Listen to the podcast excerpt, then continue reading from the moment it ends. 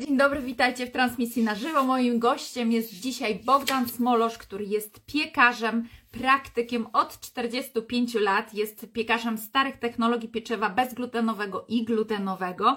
A dzisiaj porozmawiamy sobie na temat zdrowego chleba i porozmawiamy na temat e, zbóż. Gdzie kupować pieczywo, na co zwrócić uwagę e, i. No i o tym, czy chleb faktycznie może być dla nas e, szkodliwy. E, jeszcze chciałabym e, przytoczyć nim, bo już widzę, że Bogdan do nas tutaj dołączył. Bogdan, wyślij mi proszę zaproszenie. Tam na dole jest taka kamerka, można wysłać zaproszenie, za chwilkę Cię tutaj dołączę. A jeszcze chciałam przytoczyć też słowa, które możemy u Bogdana na stronie e, przeczytać. Wierzymy, że każdy człowiek ma prawo do zdrowego jedzenia, że każdy ma prawo zadbać o swoją rodzinę, a w szczególności swoje dzieci. Wierzymy, że dobry chleb to rzemiosło, nie fabryka. Wierzymy, że dobre warzywa to małe, rolnicze, e, gospodarstwa, nie kombinaty e, monokulturowe. Wierzymy, że wysoka technologia zniszczyła to, czym karmili się nasi dziadkowie, a czasami i rodzice. Zostało nam wspomniane, zostały nam wspomnienia z przeszłości. Obecnie e, nazywanie produktu dziadunia czy babuni nie zaklina rzeczywistości i takimi faktycznie nie staje się. Wiemy, że bardzo często mamy różnego rodzaju wędliny, na przykład też dziaduni, babunia, a to nie oznacza, że one są e, dobrej jakości. E, no dobrze, to ja już w takim razie akceptuję wspólnie rozmowę.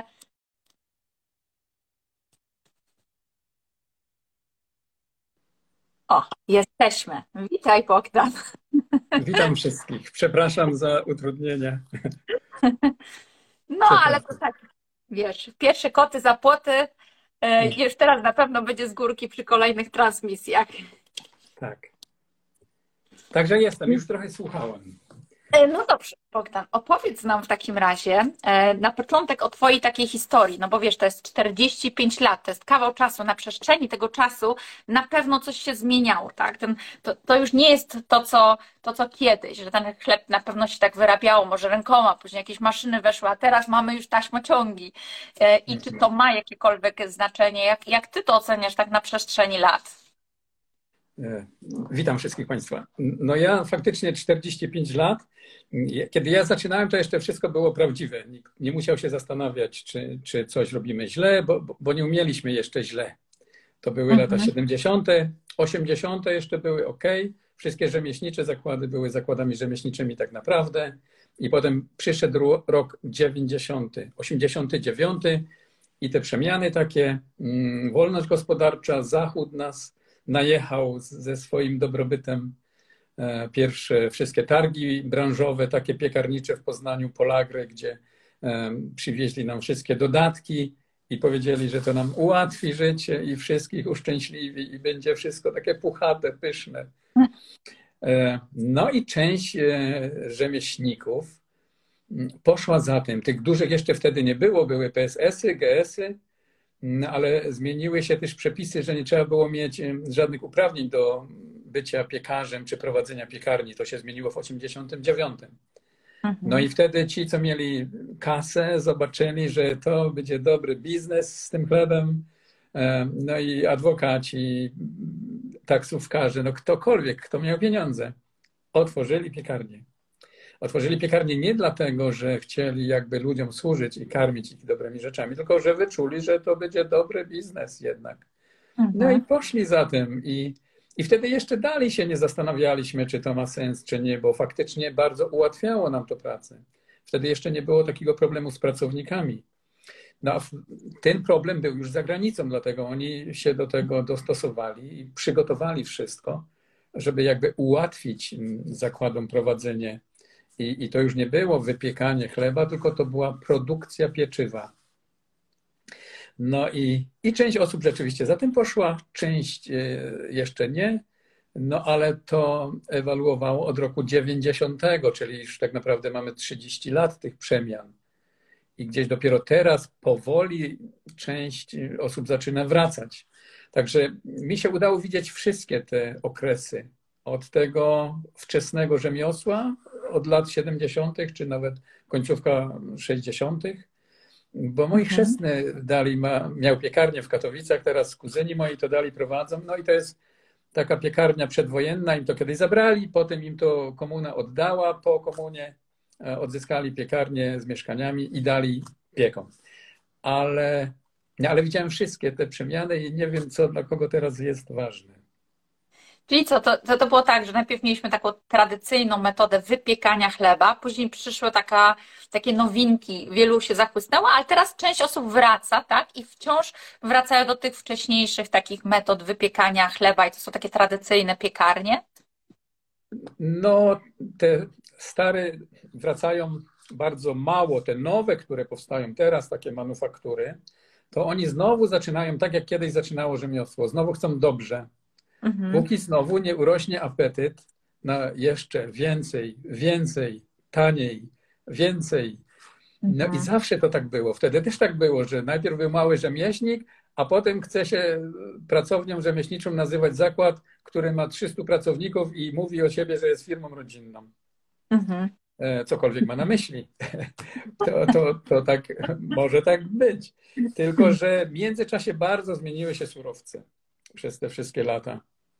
One zostały dostosowane przez chemię rolną i przez e, młyny do tego, żeby parametry wypiekowe zawsze były właściwe dla piekarni dużej, która ma wy, wymagania takie, że ma być liczba opadania taka, tyle białka, tyle to, tyle to i musi być to zawsze powtarzalne, żeby maszyny mogły z tego coś zrobić, nie zaglądając na to, jak to się działo. Bo kiedyś ważnym było, jakie ziarno było dostarczone do młyna.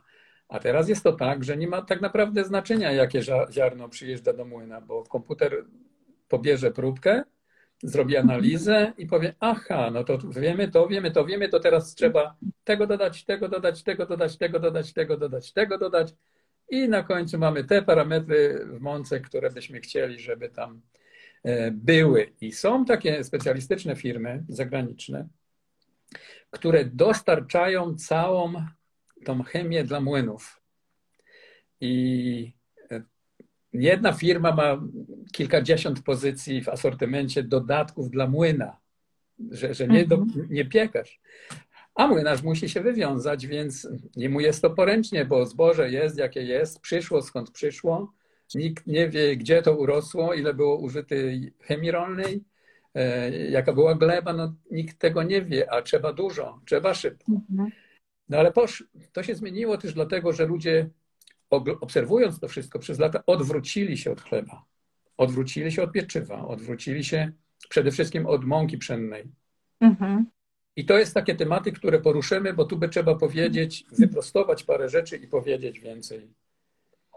No, no to zaraz sobie do tego dojdziemy, ale wiesz, zaciekawiło mnie to, co powiedziałeś że młyny dostają chemię i mieszają to z ziarnem czy z mąką? Jak, jak to się dzieje? Jaka to jest trakcie, chemia? Co to jest takiego? w trakcie procesu przemiału, no bo wiar, ziarno przychodzi z różnych pól, w różnych ilościach, każde tak. jest inne, a mąka mhm. musi być taka sama. No więc trzeba ją uzdolnić i to się nazywa standaryzacja. Mamy w sklepach tych dużych mąkę standaryzowaną. Co się kryje pod tą nazwą, że ta mąka jest standaryzowana? No są tam dodane wszystkie te rzeczy, żeby uzyskać właściwe parametry. Nie? Mhm. Stąd y, no niektóre bardziej, to, to nie są jakieś duże ilości, to są takie mikro ilości, które mają te wszystkie parametry wyrównać, żeby młyn mógł to sprzedać, bo, bo potem piekarz mu to nie kupi, jak nie będzie spełniała ta mąka właściwych parametrów. Więc y, młyny też chcą dobrze, bo chcą sprzedać. E, no tak. to na tym zazwyczaj kto na tym traci? No, traci może na tym e, jedynie zdrowie konsumenta. Mhm. E, bo, bo ja w ogóle się całkowicie odwróciłem od mm, przemiału i mąk konwencjonalnych. Ale to się wydarzyło dopiero wtedy, kiedy poznałem, na czym polega biocertyfikacja, jak są uprawiane bioorganiczne uprawy, czy uprawy biodynamiczne w standardzie Demeter, czy, czy wszystkie takie rzeczy, których nie zastanawialiśmy się kiedyś nad tym.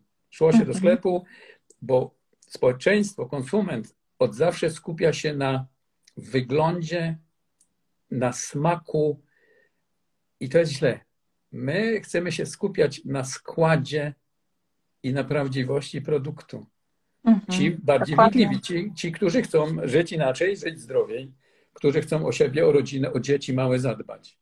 Mhm. No i no ale tak naprawdę, jakby to uprościć, to to my, klienci, pchnęliśmy e, przemysł i, i rzemieślników do tego, bo nasze oczekiwania po zachłyśnięciu się w latach 90. były takie, że ma być puchate, piękne. To koledzy kupowali wtedy maszyny za dziesiątki tysięcy marek i w rok to odrabiali, bo, bo tyle klienci kupowali, a my te zwykłe, co robiliśmy gnieciuchy dalej, to tego mało kto już chciał. A ci, co poszli za trendem, zabłysnęli i mają się świetnie. No ja te pamiętam te czasy, jak były takie prawdziwe, to się nazywała bułka poznańska z takim przydziałkiem. Mhm. I ona w środku była taka pełna. A to już mhm. były takie czasy, lata 80., że już się wyjeżdżało do, e, do NRD e, i RFN, do RFN, tak to się nazywało. Mhm. Czy na przykład do Austrii na narty też, no jak się tam paszport dostało, no to się wyjeżdżało. I tam były takie bułki pompowane. I to było takie wow, wiesz, wow, tak. nasze to zakalce, wow, te pompowane, tak. nic nie było w środku, to była jedna trzecia z tej bułki, tam było mhm. powietrze, ale to było wow. I jak to zaczęło wchodzić do Polski, to jak się wszyscy tym zachłysnęli, że już nikt nie chciał tych bułek takich standardowych, które były tak ciężkie, jak kawałek chleba. Tak było, tak było. I to, i to później, i do dzisiaj częściowo tak jest. No bo co to jest kajzerka? Nie? Co wartościowego jest w kajzerce? Przykro mi, nic. Nie? Nic. Mhm. A jeszcze konwencjonalna, taka, gdzie mąki są użyte konwencjonalne z całą tą chemią rolną. No to nie chcemy tego jeść. Nie chcemy. No ja, tak. ja, ja bym w świadomy sposób, może gdzieś po pijaku bym zjadł, jakbym nie wiedział, ale w świadomy sposób bym tego nie zjadł. Ale wiesz, jak już jesteśmy przy tej chemii, to jakbyś mógł powiedzieć, bo ty na pewno wiesz, e, bo, bo, też masz do czynienia i z rolnikami, i z młynami, i widziałeś, jak to się na przestrzeni lat zmieniało. Wiemy, że jak weszliśmy do Unii Europejskiej, to wiele rzeczy nagle okazało się, że jest zdrowe, bo jest dopuszczone do spożycia jaka chemia jest stosowana w młynach, która mogłaby nam zaszkodzić. Czy to jest tak, że dodają na przykład, wyrównują białka węglowodany, czy jednak dodają coś innego, spulchniacze, może jakieś środki antygrzybicze, może jeszcze coś. I co jeszcze na polu jest, bo to na pewno nam się, jeszcze nam się łączy, tak? bo jest jeszcze coś, co na polu rolnicy też dodają. Chyba jednak najgorsze to, co na polu, bo to tam jest bez kontroli i bez opamiętania. Czyli mhm. co tam e, nam wypryskają i co nam e, zrandapują z glifosatem i wszystkie te rzeczy. Mm, I cała ta chemia rolna, no przecież widzimy, jak wygląda zaorane pole, na którym nic nie urośnie przez kilka tygodni po zaoraniu. Tak nie? jest. Co się stało? Przecież gleba, żywa gleba e, od razu zarośnie nam chwastami czy czymś tam, a na tym polu ja mieszkam na wsi, jeżdżę do pracy przez wszystkie wioski, widzę te pola takie piękne, czarne, nic tam na nich nie urosło. No bo dlaczego miałoby? Jak tak. tam e, życie umarło dawno temu. No i potem trzeba to wszystko nawieźć. No stąd w tym roku na przykład był e, ta sytuacja, że nie ma nawozów albo że tak bardzo zdrożały. To ja mówię, no to dziękować Bogu, że tak bardzo te nawozy zdrożały, bo może mniej tego trafi na pola.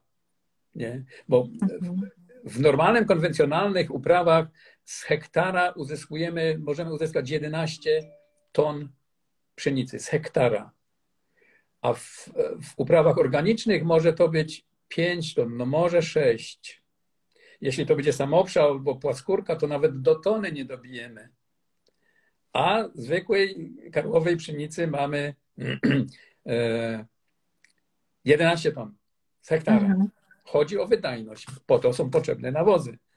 No a, a w organicznych uprawach tego nie mamy, dlatego tego urośnie tak mało, bo, bo mamy bardzo ograniczoną tą ilość i możliwość nawożenia naszych pól.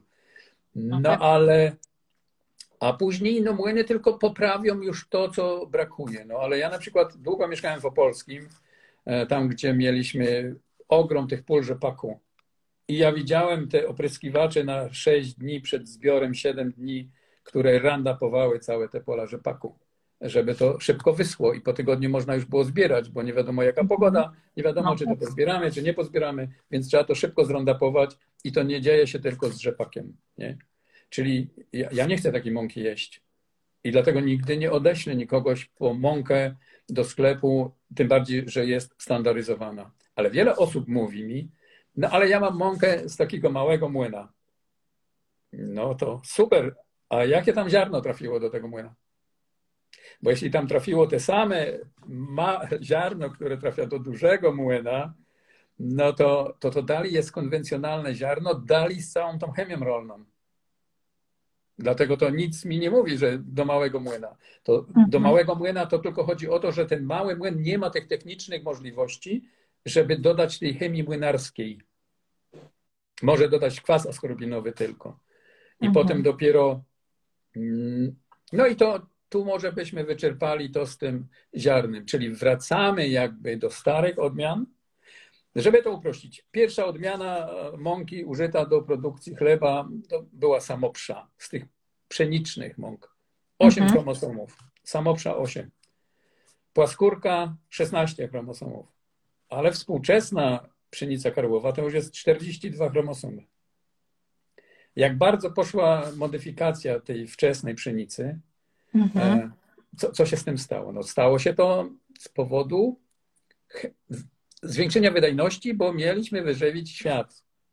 Tak jest. No ale poszło to w tak kiepskim kierunku, że wystarczyłoby teraz nic nie zmarnować, to dalej nam starczy te 5 ton hektara. Wystarczyłoby nie zmarnować tyle żywności w śmietniku, nie? No tak. Przede wszystkim pieczywa. Później powiem, jak w domu uratować czerstwe pieczywo. No wiesz, z tym pieczywem to też była kiedyś taka głośna sprawa, że piekarnie, które miały nadmiar pieczywa, oddawały je biednym, e, a później został im naliczony VAT od darowizny za to pieczywo. No tak było, ale to się potem chyba zmieniło i teraz już jest inaczej, ale to te głośne sprawy, o których wspominasz tu, o których wiemy, to to nie było do końca tak. E, no ale to takie zostawimy już tego piekarza. Część piekarzy chciałoby wrócić do tego, co było, ale mhm. konsument nie jest gotowy to zaakceptować. To jest tak jak z lodami z lat 70., którymi byśmy się w głowie zachwycali, a gdybyśmy teraz te lody dali ludziom do spożycia, to nikt by tego nie chciał. Za mało puchate, za mało kremowe, za tak. mało takie te, nie? Bo, bo ja w 70 latach... było kryształki wody. Tak, ja tłuszczu. Kiedyś do lodów to było żółtka, mleko, śmietana, e, laski wanilii, e, koniec. Nie? Mhm. A, a, i, I to były lody, a teraz jest w lodach wszystko. I my akceptujemy te współczesne kiepskie lody. Tak jest. Bo jak ja zrobiłem taką próbę dwa lata temu, zrobiłem w lodziarni lody, tak jak się robiło w latach 70., a, to to takie, to, to już nikt nie zna, mało kto pamięta ten smak, jak to było. I tak samo tak jest z chlebem. To jest tak, jak robilibyśmy ślepy test z jajkami z marketu i z jajkami od kur. To w ślepym teście ludzie wybiorą te jajka z marketu. Tak jest, bo są smaczniejsze, żółtka są bardziej żółte, jest dodany beta-karoten do karmy. Tak. Tak, tak. Bo... No i teraz wracając do, pie, do pieczywa. E, gdybyśmy je jeszcze zrobili zgodnie z technologią, to można by poprawić przyswajalność tej pszenicy współczesnej. Mhm. Tylko wszystko musiałoby być naprawdę dobrze sfermentowane. I to jest zupełnie taki inny, szerszy temat na temat fermentacji mąk. I znowu piekarstwo całe zostało okradzione z fermentacji, bo to tak goni czas. I teraz jak mhm. sfermentować wszystkie mąki, jak nawet mało kto wie, jak to zrobić? Stąd znowu wyszły wszystkie miksy piekarskie, na które się obrażamy, suche kwasy, i teraz ktoś deklaruje, ma na aucie napisane na oknie wystawowym chleb na zakwasie. Tylko są zakwasy powstające z fermentacji, kwasu mlekowego, kwasu octowego, właściwe bakterie. I są zakwasy, które są nieaktywne, które mm -hmm. tylko robią kwasowość pieczywa, ale nie fermentację. I to dalej się nazywa chleb na zakwasie, bo na worku tak pisało zakwas ale on nie był aktywny. Tego się nie da obudzić, aktywować. Tam nie powstaną na bazie tego zakwasu fermentacje. Nie? Tam e, zmienimy tylko kwasowość. On, no, no taki kwaskowaty, taki. Tak no, czuć, tak, że to taki, niby zakwas jest. Taki na zakwasie, nie? A, a to jest nieaktywny kwas zmieniający kwasowość e, ciasta.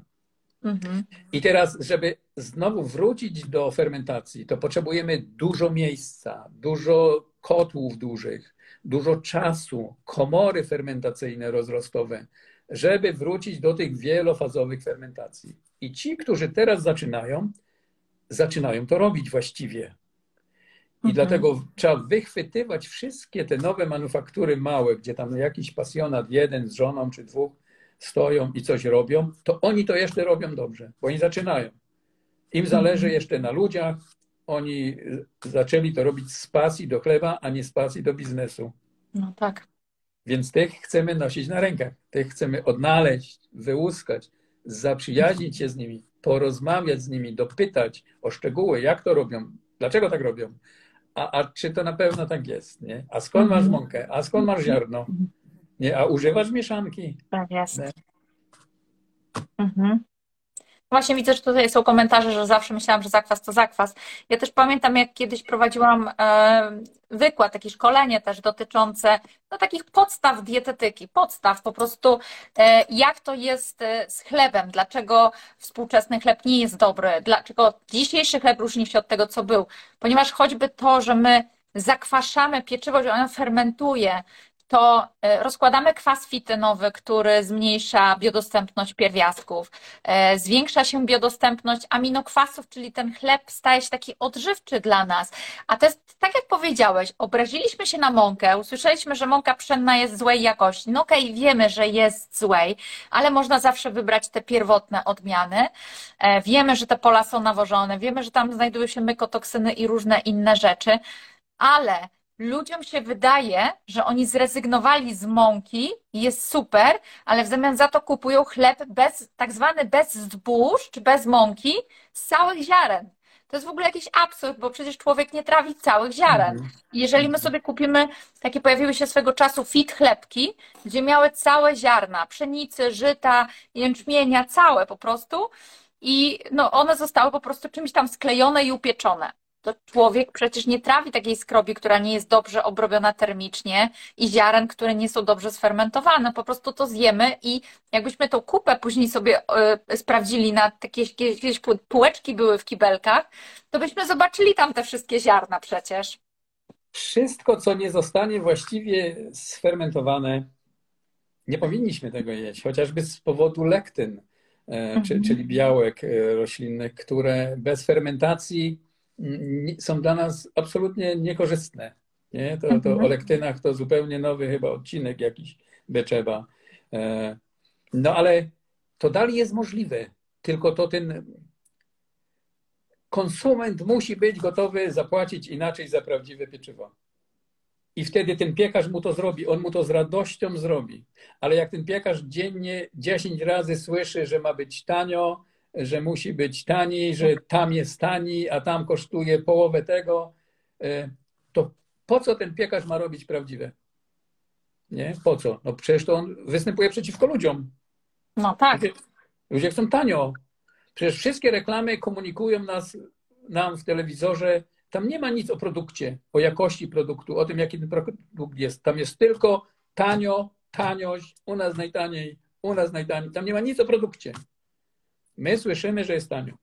I to komunikują reklamy i ludzie nie wiem czemu, mm, nie wiem, samochodem za 200 tysięcy jadą po bułkę za 60 groszy. Bo tanio. A tanio i smacznie, bo to też jest jeszcze. A, bo tam no. to smakuje, tam jest pyszne. E, dzisiaj robiłem w domu chleby. Żytnie, kwasy kilka, kasza z samoprzy i mąka z kłaskórki. Stygną tam. Jak skończymy, to pójdę jeść. E, mhm. Smaczne podejrzewam, że to jakoś bardzo nie będzie. Ale ja nie chcę smaczne.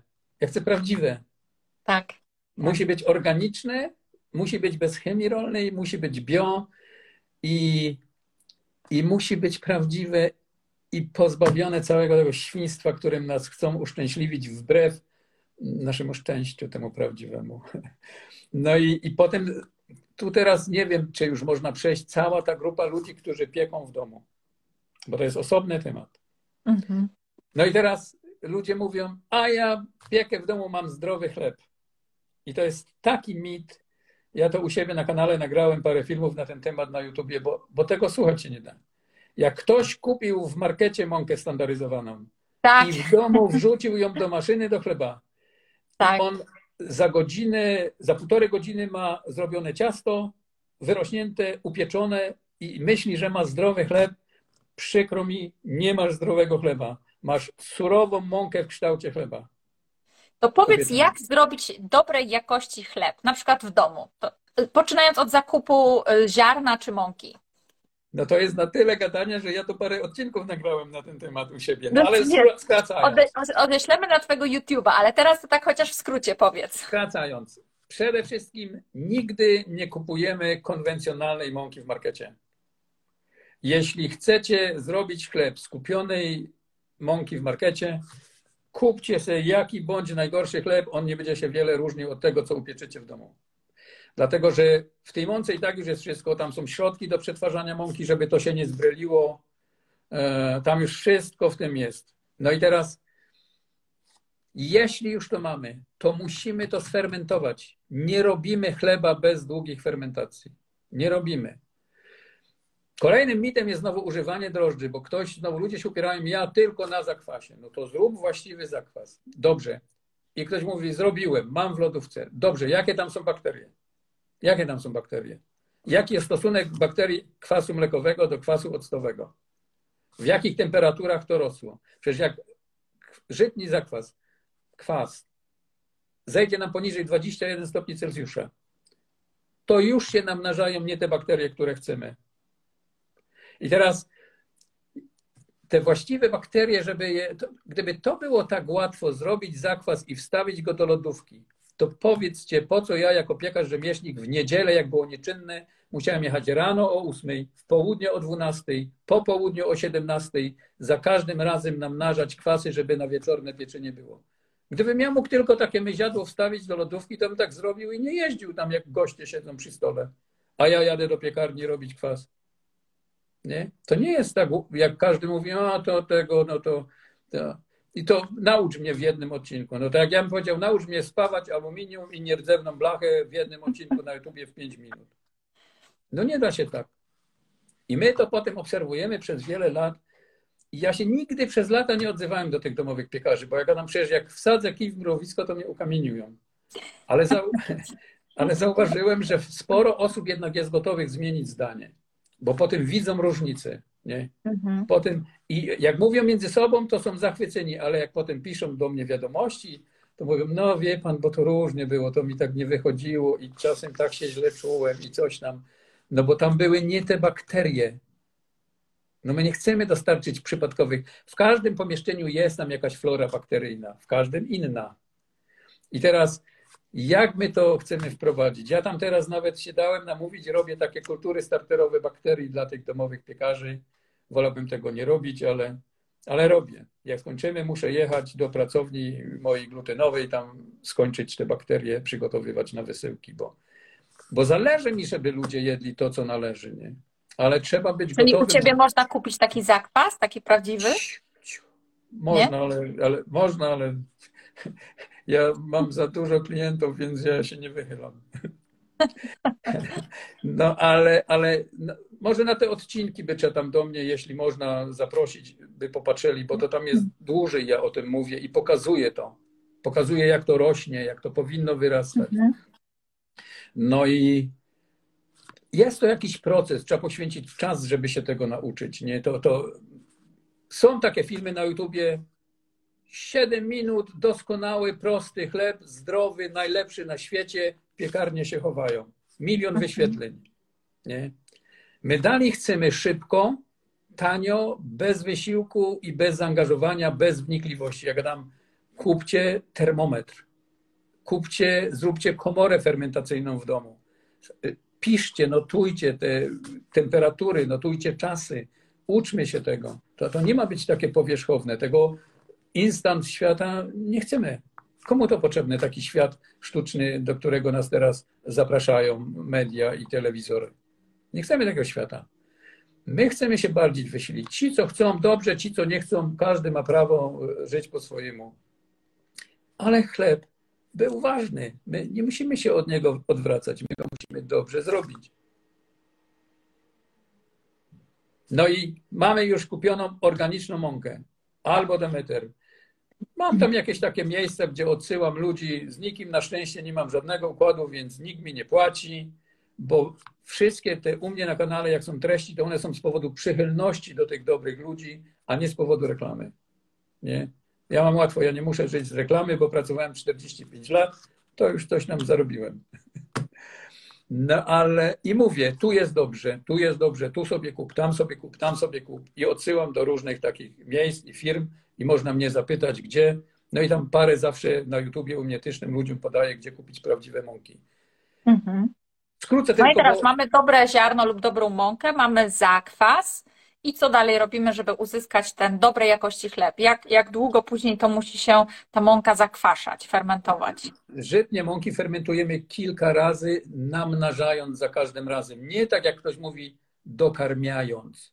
Ja dokarmiłem mój zakwas. Nie, dokarmić to można kota. Zakwas trzeba pomnożyć za każdym razem. Za każdym razem go mnożymy. Mnożymy. To wszystko nam pączkuje i namnaża. A dokarmiać, no to ludzie mają dokarmione te myziadło w lodówkach i to nazywają zakwasem. Ale mhm. mam dla Was złą wiadomość. To nie jest zakwas w rozumieniu piekarstwa. Przykro mi. Tak to nie zadziała. I musi być sfermentowane. Inaczej ten chleb, jego przyswajalność jest kiepska. Z powodu lektyn to raz, z powodu wszystkie, no tam się nic nie zadziało. Kiedy enzymy miały zrobić całą robotę? Kiedy tam się wszystko miały te procesy zaś? To to tak, jakbyśmy mieli surowy ogórek do zjedzenia, a kiszone.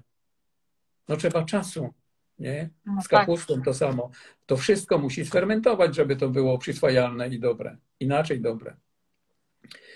Trzeba się naprawdę wysilić i sporo osób to robi. Sporo osób jest gotowych i tym się kłaniam, tych podziwiam, no, no bo to nie jest tak łatwo, jak w tych internetach to powiedzieli. Ostatnio ktoś mi pisze i to mnie zastanowiło. Ale te wszystkie rzeczy, co Pan mówi, to ja cały internet przejrzałem i tam tego nie ma. I tak sobie myślę, no mówi, ma rację, bo kto miał to tam napisać? Kto miał tam te treści włożyć? Mhm. Piekarz, mhm. który z tego żyje i który nie chce powiedzieć drugiemu, jak się co robi? No kto te treści tam? Kto napisał polskie książki o piekarstwie? Kiedy? Jaki to był autor? Nie wspominam celebrytów telewizyjnych i tych książek, nie? Bo są no takie. Tak. To, to, tego nie ruszamy. To, to mhm. z piekarstwem to ma niewiele wspólnego. Dużo to ma wspólnego z, z ładnym wydaniem, ładnymi zdjęciami, ale do piekarstwa kawał drogi. Więc można tanio i szybko, to tak jest, jak wyjdziemy na róg, tam są takie sklepiki, to tam jest tanio i szybko. Tam sobie kupmy, bez roboty, bez mycia naczyń w domu, bez grzania piekarnika. Albo zróbmy to do porządku. To ile czasu potrzeba na upieczenie takiego dobrego chleba? Wyprowadzenie od kultur starterowych żytniego kwasu, żeby zacząć robić ciasto, to jest doba. Mhm. Później, jeśli już mamy czwartą fazę, gotowy ten żytni zakwas, możemy z tego sobie odłożyć, rozetrzeć go z mąką i zostawić go jako starter do następnego razu. No nie trzeba tego u mnie kupić. Mhm. To może raz, a potem już trzeba wszystko sobie pilnować i robić samemu. I jest taki odcinek, gdzie ja pokazuję, jak to sobie w domu rozetrzeć, jak to sobie w domu przechować i jak za każdym razem wychodzić wszystkie fazy od początku. Bo inaczej to nie ma większego sensu. Mhm. My mamy no tak. Jest... Odsyłamy na YouTube w takim razie. Łatwy YouTube, piekarz Bogdan Smolosz. Ale patrzcie, mamy sta- e, zaczątek, przedkwas, półkwas, pełny kwas, ciasto właściwe. Czyli mamy pięć faz. I wtedy dopiero jest właściwe pieczywo.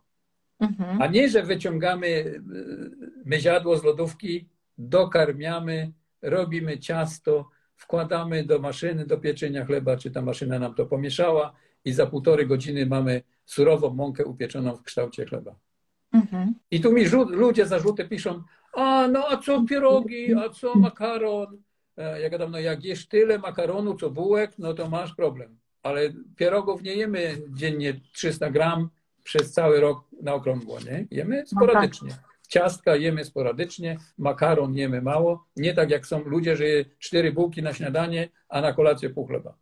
No to teraz wyobraź sobie, jak jest bardzo dużo ludzi, którzy, których głównym źródłem e, kalorii, wartości odżywczych jest pszenica. Jedzą na śniadanie chleb z typowej piekarni, na drugie śniadanie biorą chleb, e, na obiad albo spaghetti, no. albo pierogi, albo pizza i no. na kolację jest chleb, czyli oni praktycznie się nie odżywiają. Nie, wszystko jedzą nieprzyswajalne, niesfermentowane, bo na to duże zakłady przede wszystkim mają niewiele czasu. E, małe wracają teraz do fermentacji, bo widzą, że jest taka potrzeba, tylko ktoś musi ich docenić, żeby oni bardziej chcieli. Nie? Ktoś mhm. musi być gotowy bardziej zapłacić trochę więcej za te pieczywo rzemieślnicze. Tylko wiecie, ja, ja odwiedzam piekarnie. Ja znam duże piekarnie i znam te najmniejsze piekarnie, bo, bo tam jeżdżę uczyć czasem kilka piekarni tak w roku. I to jest tak, duże piekarnie, tam jest czysto. Tam jest naprawdę, w tych dużych jest idealna czystość. Czasem można z podłogi jeść, jest tak czysto. Małe piekarnie pozostawiają wiele do życzenia. Stało się tak przez ostatnie może 15 lat, że narracja małych zakładów była często kłamstwem. Każdy deklarował nieprawdę, że u mnie prawdziwe, na zakwasie, zgodne z tradycją i pisało na autach pięknie i na oknach wystawowych. I to wszystko były slogany niepoparte niczym więcej. Potem wchodzisz do takiego małego zakładu na magazyn, a tam stoi 25 worków z miksami z różnych zachodnich firm, e, co wymaga tylko wsypania do kotła i wlania wody i pomieszania. Nikt by nie wiedział, jak to zrobić z podstawowych składników. Nie. I się tak przyjęło. Ja był, przez lata broniłem rzemiosła. Ale potem, jak e, zacząłem odwiedzać wszystkie te piekarnie, to ja gadam, no nie ma kogo bronić, to powinno wszystko upaść. Nie? Albo mhm. powinni się przestawić, że zaczynamy robić prawdziwe, musi to być droższe i my nie potrzebujemy tysiąc, tysięcy klientów. My potrzebujemy usłużyć jakiejś określonej grupie ludzi bliskiej społeczności, w której żyjemy. No przecież piekarz nigdy nie był fabrykantem. Piekarz był rzemieślnikiem, który działał mm, dla określonej grupy społeczności, blisko które mieszkały. Ja byłem, mieszkałem 20 lat w takiej wiosce u nas w Opolskim, Reńska Wieś i tam przed wojną było pięć piekarń, a mieszkało ponad tysiąc ludzi. I każdy ten piekarz z żoną tam pracował, służyli tym ludziom, piekli, każdy żył. E, no i wszystko było dobrze. I nagle teraz ktoś pomyślał, że trzeba mieć 300 ludzi, 200 swoich sklepów i 70 samochodów ma to rozwozić. Nie? No mhm. jakie, jakie to jest rzemiosło? Co to ma wspólnego? Przecież ja wiem, jak to w tych dużych piekarniach, tam słupki się mają zgadzać. Tam trzeba kupić najtańszy surowiec, żeby dostarczyć to do sieci najtaniej jak się da. Tam się liczy czwarte miejsce po przecinku w tych kalkulacjach. Więc jeśli uda nam się gdzieś zdobyć mąkę dwa grosze taniej, to jest sukces. Nie? Bo to w tej ilości setek ton czy tysięcy ton w miesiącu robi już jakąś tam kwotę. Nie? Mhm. A jak, ja jako rzemieślnik mogę kupić najdroższe, jakie jest, bo mi wystarczy sprzedać kilkadziesiąt. Nie? Bo jak do teraz się bardzo nie dorobiłem, pewnie się nie dorobię, nie o to chodzi. Ale, ale surowiec ma być najlepszy. Nie? To jest tak jak my teraz, bo ja właściwie już teraz robię bezglutenowe tylko pieczywo. To jak ja kupuję quinoę, mąkę czy kasztanową, która jest w okolicach 10 euro za kilogram, no tak. Organiczna. A to jest u mnie podstawowa mąka z quinoa. No więc, no i ktoś powie, no jak, jak kosztuje 10 euro kilo mąki, a kilo pszenicznej mąki czy złote? Nie, to, to mhm. jest 0,8 tej ceny. Czy tam co. Do tego twój chleb nie jest pompowany, tylko on jest ciężki, więc tej mąki tam dużo idzie, tak? No przede wszystkim. Też robiłem takie doświadczenie, to potem myślałem, że mnie zaszczelą jak pokazywałem gotowe miksy bezglutenowe z karboksymetylocellulozą, gdzie z zwykłych mąk wyszło 4 sztuki, a z mieszanki zagranicznej 11 z tej mhm. samej ilości masy suchej. Nie, bo tyle płynu przyjmuje karboksymetyloceluloza. No i ktoś powie, no to no tanie. No jest tanie, oczywiście, że jest.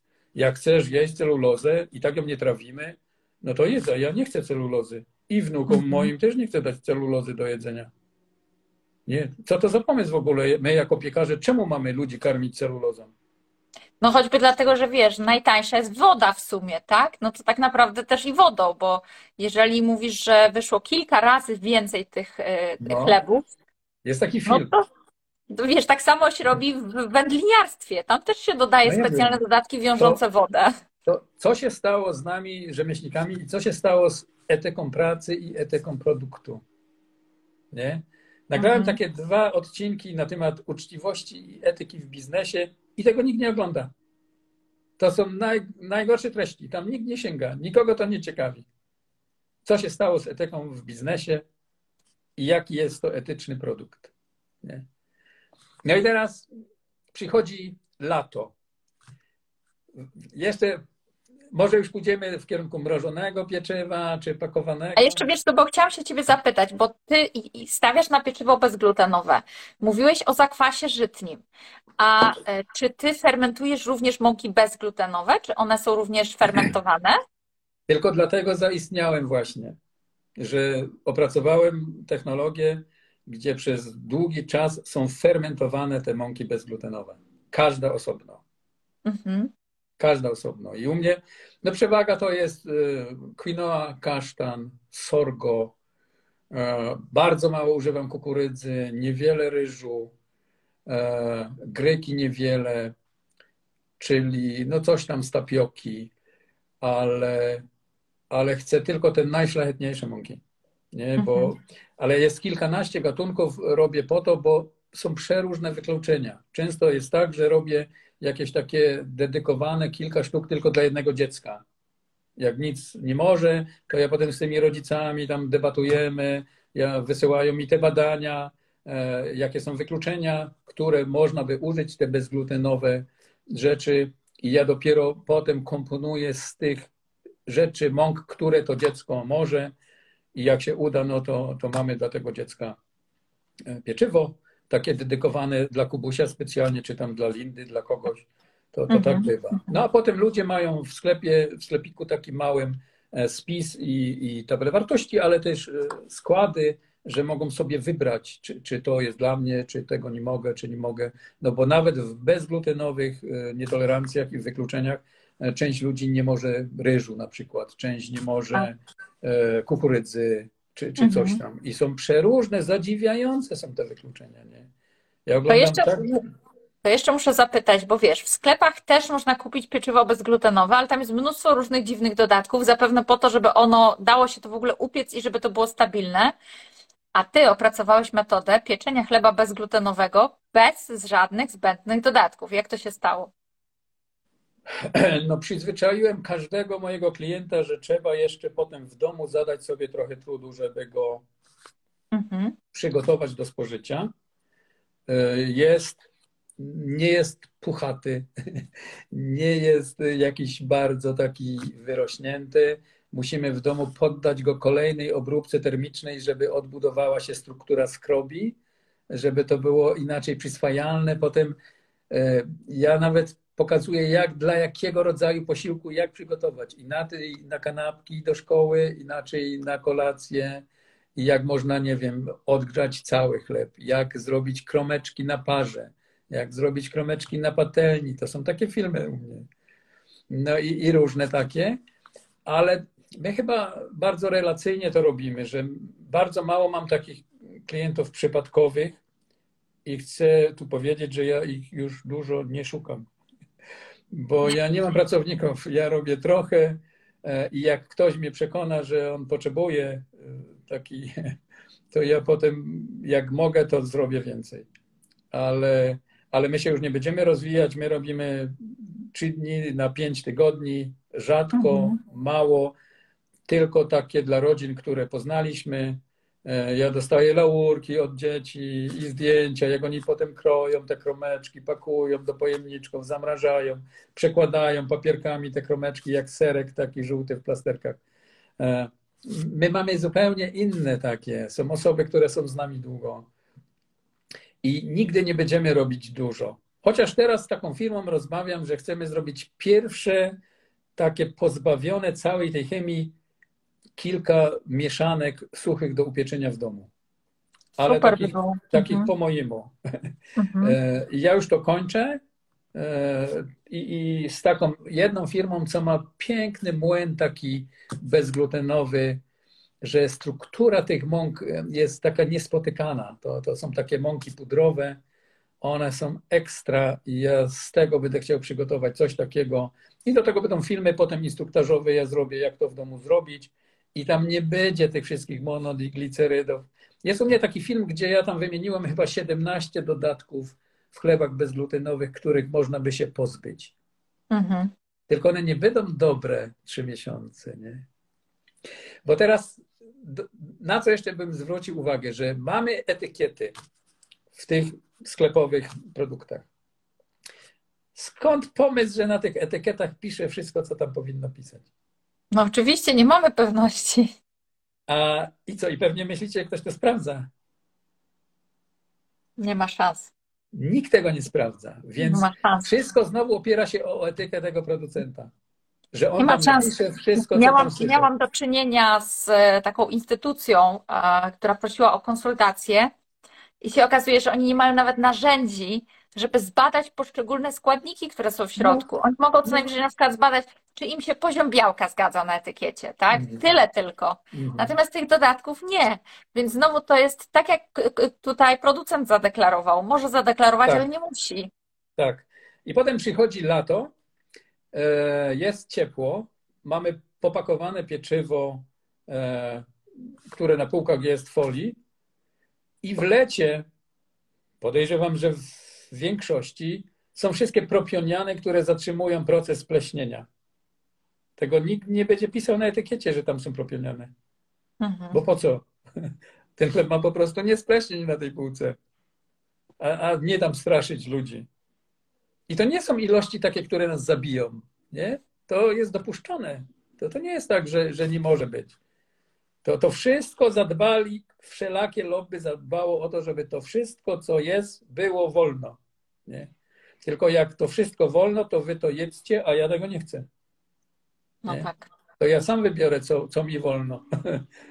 A nie, że ktoś tam gdzieś w gabinecie uznał, że no zatwierdź, bo tam Stefan dzwonił, żeby to tam zatwierdzić. No. Zapniemy. E, padło też pytanie, czy można sobie samodzielnie w domu sfermentować mąkę bezglutenową, czy to jest trudne?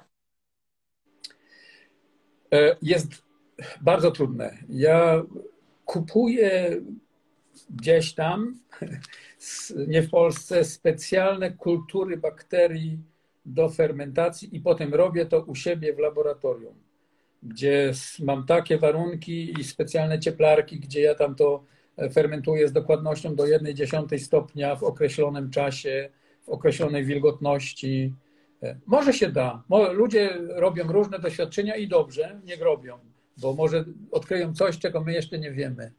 Mhm. Bo w polskim piekarstwie bezglutenowym było tak, że te wszystkie duże firmy, no to one się tam dzieliły i potem powstała podobna i podobna i podobna i teraz są cztery podobne. Wszyscy robią to podobnie, no bo oni się kiedyś znali, oni się kiedyś podzielili, każdy poszedł w swoją stronę. I teraz ja każdemu mówię tak, chcesz być bezglutenowym piekarstwem, to pracuj nad tym w pracowni długo, bo może odkryjesz coś, czego my jeszcze nie wiemy, bo ja myślę, że w bezglutenowym piekarstwie jest mnóstwo do odkrycia.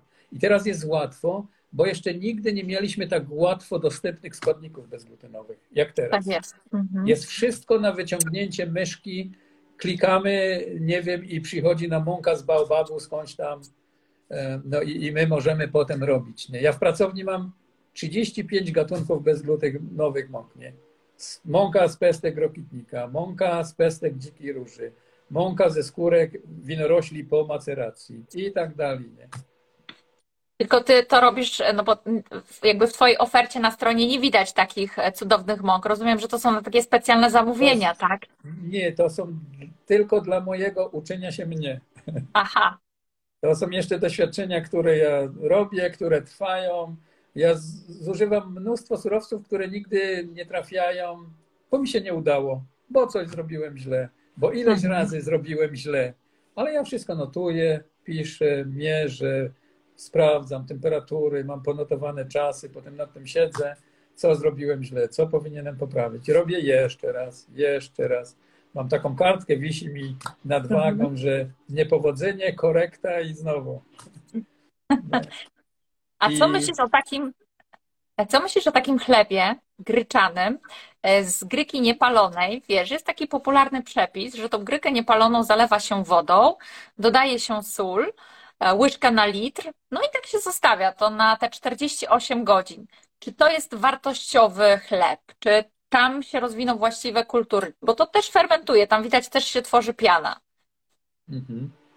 Ja wiem, że taki przepis jest i ja nie występuję przeciwko czyimś przepisom.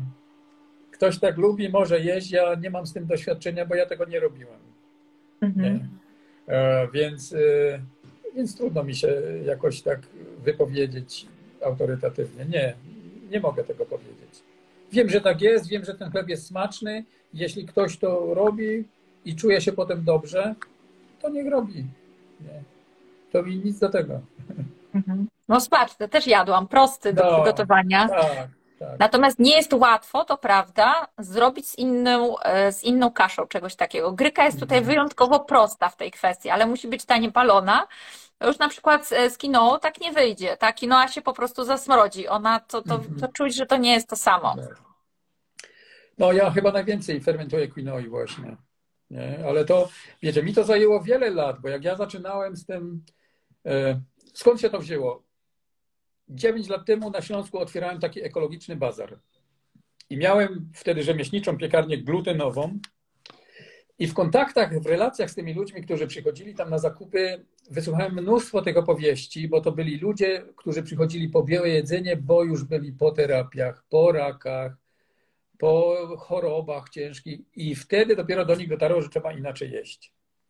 Ja te wszystkie, no a panie Bogdanie, a jakiś bezglutenowy, ale ja sobie myślę, jak bezglutenowy? Przecież w Polsce tego nikt nie uczył.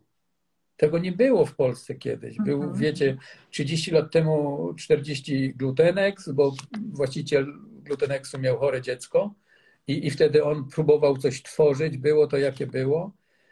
No ale tego nikt nie uczył, ani w szkołach e, piekarskich, ani nie było takich piekarń i to się dopiero wszystko teraz tworzy dzięki wnikliwości ludzi, że ktoś coś, ktoś coś i każdy coś upiekł bezglutenowego i część ludzi to akceptuje, jest zadowolona i je, no i dobrze. Moim zdaniem w każdej miejscowości powinna być mała bezglutenowa pracownia, żeby ludzie mieli dostęp na wyciągnięcie ręki do tego pieczywa bezpiecznego, bezglutenowego, nie? A mhm. nie, że idzie do normalnej piekarni i tam są wszystkie chleby i pisze chleb bezglutenowy i on leży na półce, bo gość upiekł z greki albo z kukurydzy jakiś tam chleb i bo, bo nawet producenci nie mają pojęcia, jakie standardy powinny być przy wypiekach bezglutenowych i, i, jak te zakłady funkcjonują, jakie są przepisy, co można nazwać bezglutenowym, nie?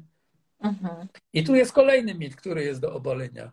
Żeby produkt był bezglutenowy, to trzeba produkt wysłać do laboratorium do badań, dostajemy wyniki, że jest poniżej 20 ppm i wtedy możemy oznakować. Jedyne właściwe znakowanie według przepisów polskiego prawa na produkcie jest napis produkt bezglutenowy. Te wszystkie przekreślone kłosy to jest marketing. Tego nie ma w żadnych przepisach polskiego prawa, w żadnego prawa, ani unijnego. Mhm. To są stowarzyszenia, które jakby przytuliły sobie, że my teraz powiemy, co jest, a co nie jest, nie? Ale to nie jest przepis prawa. To jest marketing. Według głównego inspektora sanitarnego jedyne znakowanie przy produktu bezglutenowego jest napis produkt bezglutenowy. Koniec. Tak. Nie no musi wtedy... być żadnego. I to nie może być tak, że przed chwilą na stolnicy wyrabiane było ciasto e, z mąki żytnej albo pszennej, a teraz wchodzi ryżowe i jest bezglutenowe, prawda? To, to nawet nie może być ten sam obiekt. Mhm. To nie może być, jak, to, jak ja na południu, to miałem 20 kilometrów między pracownią bezglutenową a pracownią glutenową. Mhm. To, to nie może. Tak naprawdę to jest tak, że pracownik do bezglutenowej piekarni nie powinien przynieść e, kanapki glutenowej. Nie? Jak tak to jest. funkcjonuje, nie wiemy, ale na razie te wszystkie rzeczy, które ja wysyłam do badań, to są poniżej progu wykrywalności glutenu, czyli poniżej 3 ppm. I to znowu wynika stąd, jak bezpieczny surowiec kupiliśmy. Nie? Bo źródła dostępności składników surowców są różne. I znowu musimy wybrać ten droższy, pewniejszy, żeby nie było wpadek, Tak żeby nie Tak było jest. jakiegoś tam, nie? Chcemy coś To musi tam- być certyfikat na ziarnie, bo znowu może się okazać, że a to w silosie się wymieszało, a to w młynie się wymieszało, No. Bo a mamy. to ziarenko na polu wpadło nie, nie z tego zboża, co trzeba, bo ktoś obok mi- też rosło. Bo często ludzie piszą, a w owsie, owiec jest glutenowy. Nie, owiec jest bezglutenowy, ale jest zanieczyszczony wtórnie albo w uprawach, albo w przetwórstwie. Mhm. Bo między owsem na polu rosła tam gdzieś pszenica, żyto, coś tam tak u nas jest. w kraju. Nie? I teraz kto potrafi tak oczyścić ziarno owca przed przemiałem, żeby tam nie było tych innych ziarenek. Nie? I to są Mhm. pojedyncze firmy w Europie, które to mogą. Mhm. A to, co powiedziałeś odnośnie tej piekarni bezglutenowej w każdej miejscowości, wiesz, jeszcze musiałaby być świadomość. Zobacz, jak ludzie się dzisiaj beznadziejnie odżywiają. Nie ma kompletnie żadnej świadomości tego, że żywność wpływa na nasze zdrowie. Nawet jak idziesz do lekarza i te kobiety, które mają Hashimoto, pytają się, pani doktorze, pani doktor, co mogę zrobić dla swojego zdrowia dietą? Nic. Dieta nie działa, nie ma potrzeby. Tak, czastery te.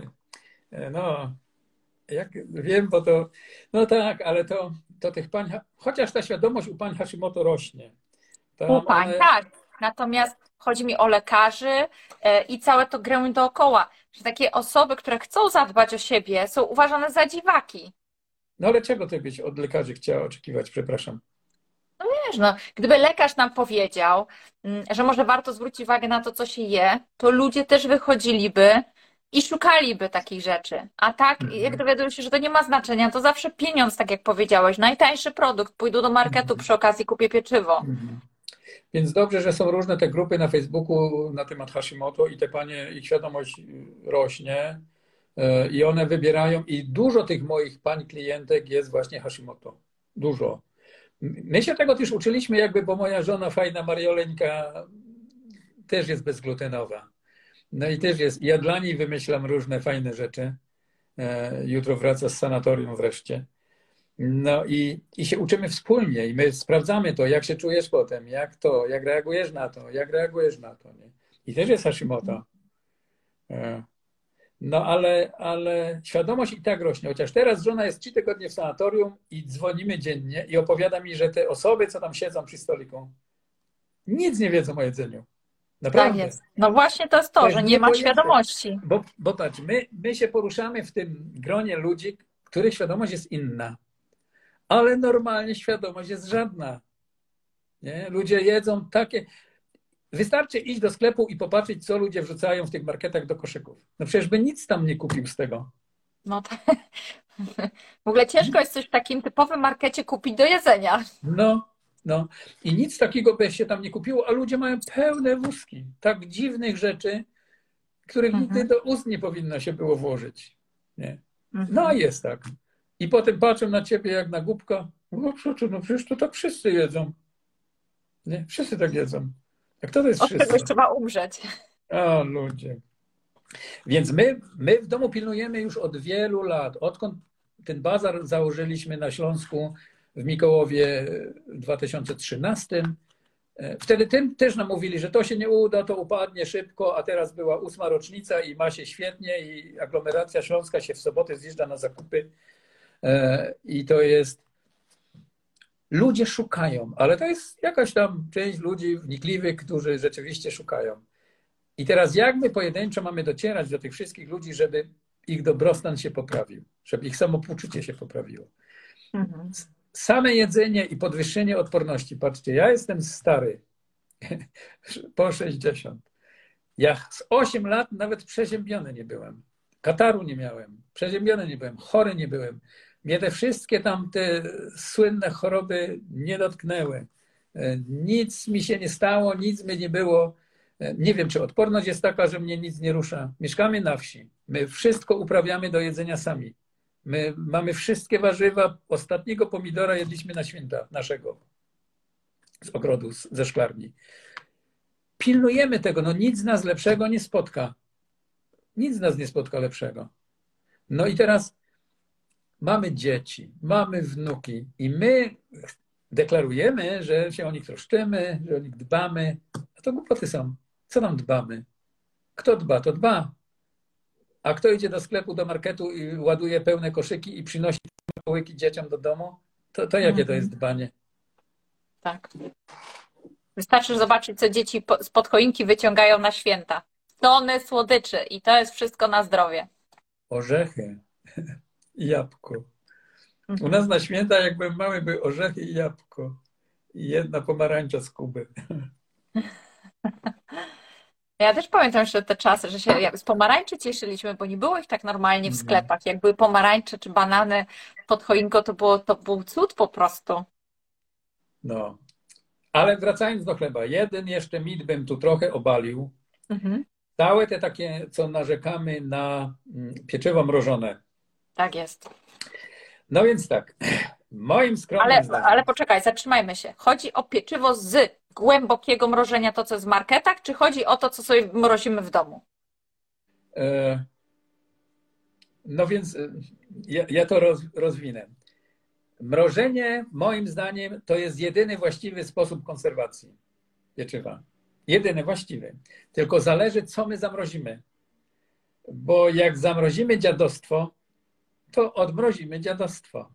No. A jak zamrozimy produkt prawdziwy, to odmrozimy produkt prawdziwy. Jeśli produkt trafia do mrożenia, głębokie mrożenie to jest, trafia do szokowego mrożenia minus 35 stopni, jest mrożony, trafia potem do minus 18 i już. I teraz są takie mity, że ludzie mówią, a u nas w Chinach tam jakieś podróżuje i to w tych zamrażalkach leży miesiącami, latami.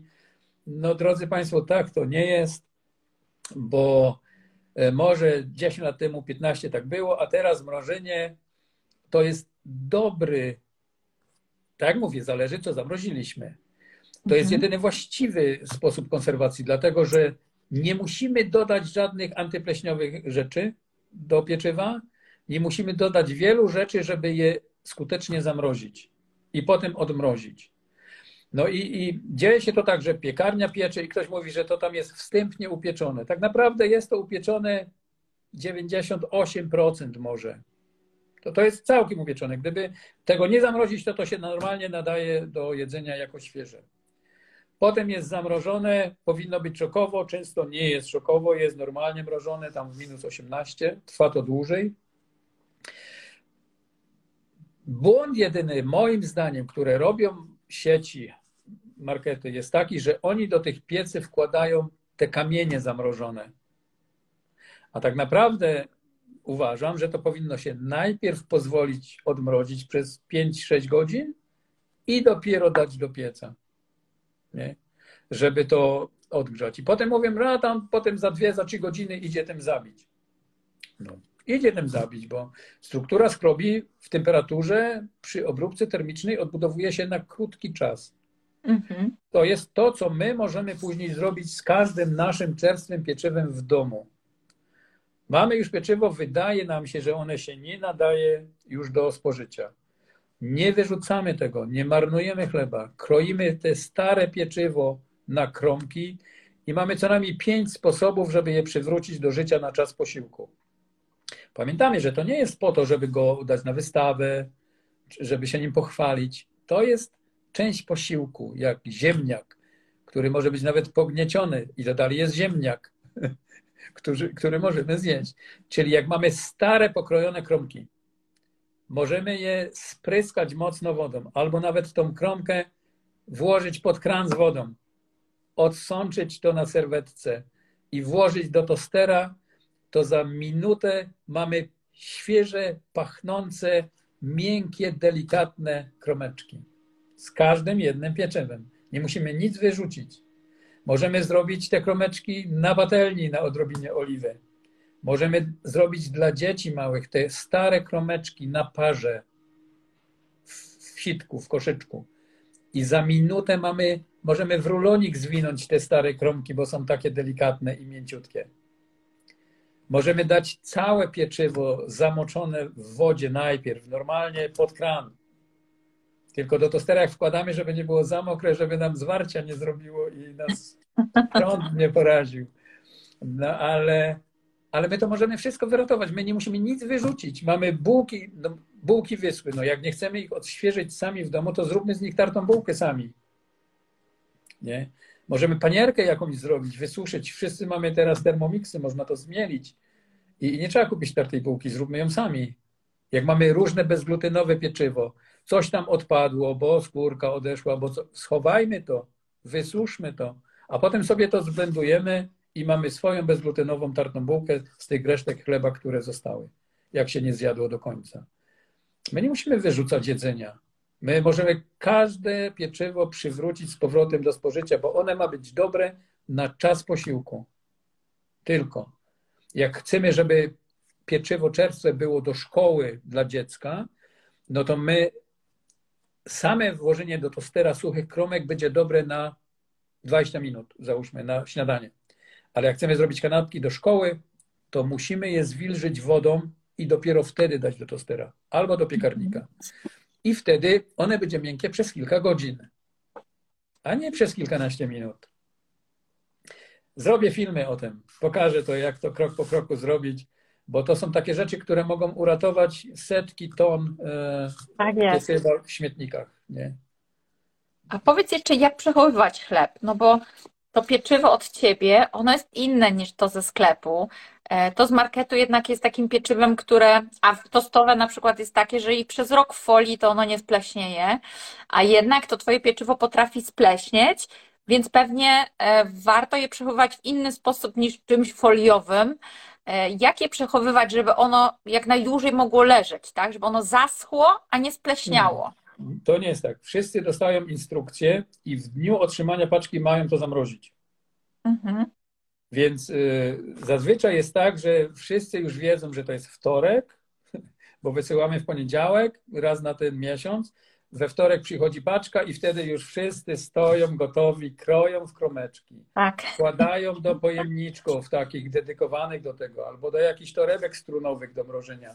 Często przekładają te kromki papierkami, żeby nie marnować, bo ma jedno dziecko, potrzebuje tylko dwie kromki. To wyjmuje tylko dwie kromki to trzeba w dzień dostawy wszystko przygotować.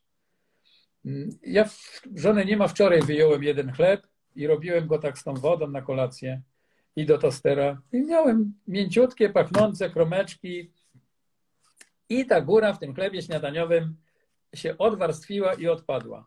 No i co z tego? No to wziąłem tą odpadniętą kawałek i zjadłem. No co z tego, że odpadła, nie? No tak.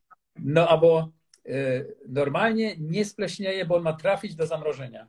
I każdy wchodząc do mnie do sklepiku, tam te informacje są i on musi je zaakceptować. Że on to wie. Tam pisze rozumiem, że to ma się podziać tak dalej.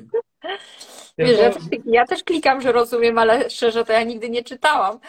Ale ja mam no. tak od dawna, ja wiem o tym, że chleb można mrozić, ale wiem, że wiele osób nie wie o tym i jak pokazuję, że zamawiam taką dużą ilość, bo mi to starcza na długi czas, bo ja no może zjem dwie kromeczki dziennie, a nikt w domu nie chce jeść tego chleba, bo wszyscy mówią, e, one jest niedobre. Ja mówię, niedobre, ale zdrowe.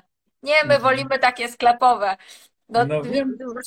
kraja mi się serce na to, więc mhm. dla mnie są dwie kromeczki na przykład na dzień Aha. i tak jak mówisz, ja sobie to y, dzielę ale wiele osób tak nie robi, bo jednak na co dzień, wiesz, no ma e, ten bochenek chleba, wstawi go tam do chlebownika, no i później się okazuje, że on spleśniał. Powinien. na przykład... Powinien. Nie było żadnych propionianów, żeby nie spleśniał. Mhm. Nie? I wtedy pytam się tych ludzi, dobrze, a kiedy ostatnio odkaziłeś swój chlebak? Mhm. Kiedy on był ostatnio zdezynfekowany? Bo, w nim są, bo w nim są wszystkie pleśnie. Nie? Gdzie on się wtórnie za, za, zakaził ten chleb? Bo jeszcze u mnie nie. I potem wyjmie go z tej folii, da go do tego swojego chlebaka jakby mu ktoś zrobił badania, ile tam tych grzybów i pleśni w tym chlebaku jest. Tego nikt nie mówi na ten temat. Jak wyglądają, w jakim stanie czystości e, są nasze chlebaki. O matko, teraz się przeraziłam. Faktycznie, masz rację. No, nie, tam wszystko jest. Tam można dać wszystko do spleśnienia. Jak potrzebujemy, żeby coś szybko spleśniało, to dajmy do naszego chlebaka, który nigdy nie był dezynfekowany. Czyli co, nawet taki ze sklepu, jak kupimy sobie już chleb, to też warto go pomrozić, tak? Poporcjować, pomrozić. Codziennie można wyciągnąć tą porcję, która nam jest potrzebna na dany dzień. Chleb się doskonale nadaje do mrożenia. Mhm. Doskonale, ale musi być poporcjowany, bo jak nie potrzebujemy później całego i rozmrozimy cały i weźmiemy z niego trzy kromki, no to ta reszta nam się zmarnuje.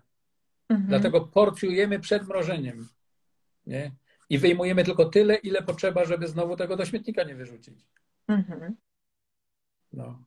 Dlatego mrożenie jest bardzo dobrym, e, e, bardzo dobrą formą konserwacji pieczywa. Bardzo dobrą. Mhm. A szczególnie jak już to zrobimy potem sami w domu. Ale, ale też zależy, co i gdzie kupiliśmy. I pytanie często jest, dobrze, to gdzie kupić dobre pieczywo? Nie? Mhm. Więc my chcemy znaleźć tego piekarza. My chcemy go poznać. My chcemy się z nim zaprzyjaźnić, bo ten piekarz chciałby się zaprzyjaźnić z klientem. Piekarze już wiedzą, że chcemy budować relacje z tymi naszymi odbiorcami, bo my karmimy ludzi. My robimy. Patrzcie, piekarz to jest ktoś, kto codziennie powinien dostarczyć na Twój stół dla Ciebie, Twoich dzieci, Twoich wnuków te podstawowe rzeczy. Jak to może być ktoś anonimowy? Ktoś, kogo nie znamy. Nie wiemy, jaki to jest człowiek, jaka jest jego etyka, etyka pracy. W ogóle nic o nim nie wiemy. Ktoś tam gdzieś tam wrzuć nam do koszyka coś tam. Nie musi tak być. I tak wnikliwie szukamy każdej grupy towarowej wszystkich produktów spożywczych. My jedziemy po to tam 50 kilometrów, a po to tam, a po to tam daleko. My mamy upatrzoną każdą grupę towarową tego, co sami nie wytwarzamy. I zadajemy sobie trud, jedziemy, przechowujemy. Zrobiłem w tym roku taką pewniczkę i tam mam setki miodów, wszystkie słoiki, wszystkie sałatki, wszystkie przetworzone nasze rzeczy z ogrodu, przeciery i, i te koncentraty robiłem pomidorowe. Dziesiątki kilogramów pomidorów przerobiliśmy z żoną. My to wszystko mamy swoje. Mhm. Nawet ziemię do ogrodu kupuję bio. Jest taka jedna firma w Polsce, która to robi. Kosztuje to jak nie wiem i wydałem te jak nie wiem po to, żeby kupić bioziemię, a auto mam 16-letnie. Mhm. Bo nie dam na głupie auto 100 tysięcy czy 200, bo te moje mnie zawiezie wszędzie, tylko dam na dobre jedzenie. Sery to tam sobie gdzieś kupię u pana Kluszki albo u, u bacy mojego Wojtka Komperdy Hej. I, I szukamy tego, co prawdziwe. Nie? To my, prawda. My, my powie, wystarczy już powierzcho- powierzchowności takiej. My Mhm. chcemy innego świata, tylko my musimy po niego sięgnąć. Tak jest, ale dzisiaj jest też tak ogromna dostępność, jeszcze do tego media społecznościowe nam to umożliwiają, bo ja nie muszę szukać w okolicy piekarza, bo ja wiem, że w mojej okolicy, no to raczej takiej najbliższej to nie ma. Ja mogę wejść na internet i zamówić u Ciebie ten chleb i zamówić sobie go na pół roku, bo ja mam zamrażalkę, która ma e, która ma temperaturę minus 30 stopni ten chleb sobie tam będzie leżeć. Mięso też sobie zamawiam przez internet. E, Nabiał od krów, które pasą się na łąkach, surowy, też sobie zamawiam przez internet.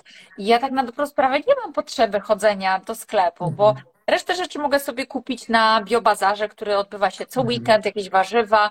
Też e, widzę tych ekologicznych rolników i te, to, co mówisz, na ten biobazar można pójść i z tymi ludźmi porozmawiać, w jaki Tak. sposób oni to e, dla nas e, się przygotowują, jak uprawiają. Tak, Niech się tak. wytłumaczą. No, często możemy poprosić o certyfikat do wglądu, nie? Bo ktoś mi jeszcze często mówi, a tam te wasze bio to sobie wymyśliliście, ktoś tam przykleił jakiś listek i, i to takie wszystko oszukane. To nie jest tak. To naprawdę tak nie jest.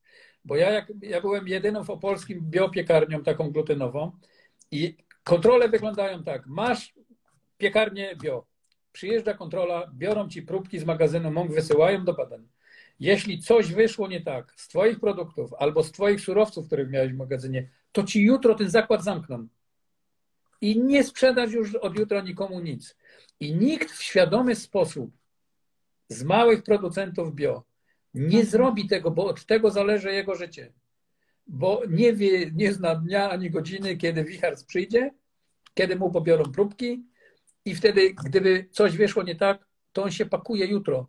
I ten zakład mu już do niczego nie jest potrzebny. I to nie jest tak, że ktoś mówi, a bo tam se przykleili takie bionalepki i ten. Procedury badań gleby badają gleby u rolników pod ich nieobecność. Wiedzą, które to są pola, wiedzą, jak to przyjeżdżają, biorą do badań glebę, jadą, robią wyniki i rolnik dostaje opinię, czy mu zatrzymali certyfikat, czy nie. Więc to nie jest tak, może ktoś duży, kto ma większe ramiona, e, może coś przekłamać, ale, ale nikt mały, wszyscy ci mali bioproducenci, nie mówię teraz o tym bio w marketach, wszyscy mali bioproducenci rozpoczęli działalność tego typu z powodu pasji do tego jedzenia, a nie z powodu biznesu. Z powodu mhm. biznesu bioprodukty są gdzieś od trzech lat, czterech. To, co teraz trafiło, że tego znowu trzeba zrobić, żeby to było bio, ale żeby były najtańsze składniki, żeby to szło tanio w markecie sprzedać. Nie?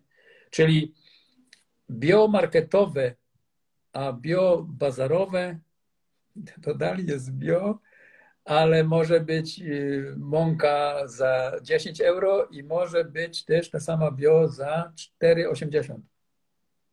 Nie? I to są dwie różne mąki. Jeśli na przykład w bezglutynowym piszę mąka z quinoa i nie umiem z tego nic upiec i potem kupię moją mąka quinoa, tam się nazywa, tam nie ma parametrów, tam nie ma typ 750, 850, 2000. Mąka quinoa i z tego upiekę wszystko, a z tego nie upiekę nic. Tak bardzo się różni. Wiemy, Quinoa, Boliwia i Peru tylko właściwie. No i teraz można wszystko obtanić, no ale jeśli w tym kierunku mamy pójść z naszym jedzeniem, no to też potem żyjemy jak żyjemy, chorujemy jak chorujemy. Nasze dzieci mają dziesiątki alergii, nietolerancji, dziesiątki. Tego nigdy nie było. Piasek jedliśmy jako dzieci i błoto i nic nam nie było. A teraz zje kawałek chleba, jest chory. No tak, nie chcemy takiego życia. Ale no tego tak. nikt za nas nie zrobi. To my musimy podnosić naszą świadomość i uczyć się tego.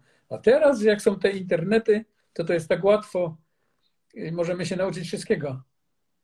Nie. Dokładnie, można wejść na filmiki i zobaczyć, jak robić samodzielnie zakwas, jak piec chleb, jak uprawiać no. sobie permakulturę. E, doić kozy, mieć przy, przydomowy mhm. kurnik, wszystko można w tym internecie dzisiaj doświadczyć. Czegoś, czego kiedyś nie było, trzeba było pójść do szkoły jakiejś zawodowej, żeby się tego fachu nauczyć. Hmm. Szkoda, że ja nie mogę czytać tych komentarzy, bo ja to kiepsko widzę i tak mi coś przelatuje. Ja tutaj, ja tutaj przeglądam sobie bardzo mhm. dużo miłych komentarzy pod Twoim adresem, że jesteś cudownym człowiekiem, człowiekiem z pasją, z wartościami i takich ludzi nam mhm. potrzeba więcej. I mnóstwo jest teraz takich komentarzy tutaj. Ale też widzę, że dziewczyny się wymieniają takimi doświadczeniami wzajemnie. Mhm. E, też padło o pytanie o, mm, o zakwas, ale to było na początku live, o dokarmianie. Ty powiedziałeś, że nie ma czegoś takiego jak dokarmianie. Padło pytanie, e, że zamiast co pięć dni nastawić nowy zakwas, można go dokarmiać. Czy e, mógłbyś powiedzieć, jak dokarmiać zakwas żytni? No to ja to tłumaczyłem u siebie na jakimś tam filmie. Nie, tak tłumaczyłem, nie ma czegoś jak dokarmianie. Robią tak domowi piekarze i nam nic do tego. Ale to nie ma nic wspólnego z piekarskim kwasem. Nie? Mhm. Nie ma. Tak domowi piekarze robią, mogą tak robić, bo ja tego nie jem. Oni to jedzą. Nie? Więc i, i potem to, co mówiłem, że no nie ma takich treści w internecie. No nie ma, bo kto miał je tam napisać? Nie? Mhm. Kto je miał tam napisać? No więc można wszystko. Można piec chleb w maszynie do chleba surowy, gdzie, gdzie mąka w ogóle nie sfermentowała. No wszystko można. Tylko w którym kierunku chcemy pójść, nie?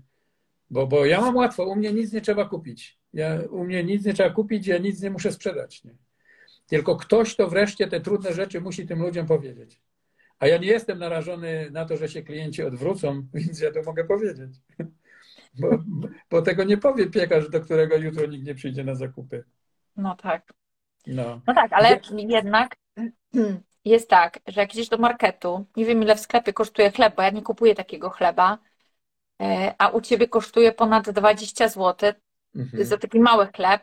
Ja, ja jakby znam wartość, tak? Ja tego chleba nie jem dużo, dla mnie to, to nie będzie duży wydatek, bo on nie ma wyżywić, wiesz, wieloosobowej rodziny u mnie, gdzie ten chleb nie starczyłby nawet na jeden posiłek dla, dla wszystkich to jednak co byś radził takim osobom, które mają ograniczony budżet i nie mogą sobie pozwolić, powiedzmy jest pięcioosobowa rodzina i wszyscy na śniadanie jedzą po trzy, cztery kromki chleba?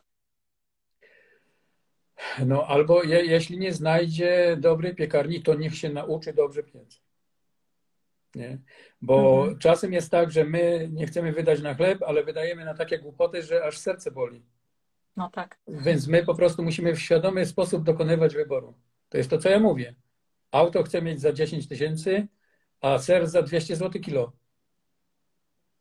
Nie? To, to ja dokonuję wyboru. Bo, bo to można odwrotnie. I większość ludzi ci, tych majętnych robi odwrotnie. Ma auto za 200 i jedzie do Biedronki po zakupy. Nie? No to w ogóle jakieś nieporozumienie. Mhm. My sami dokonujemy wyboru. Bo czasem ktoś właśnie pisze, a kogo na to stać? No dobrze, a kogo byś chciał obarczyć winą za to, że, że cię nie stać?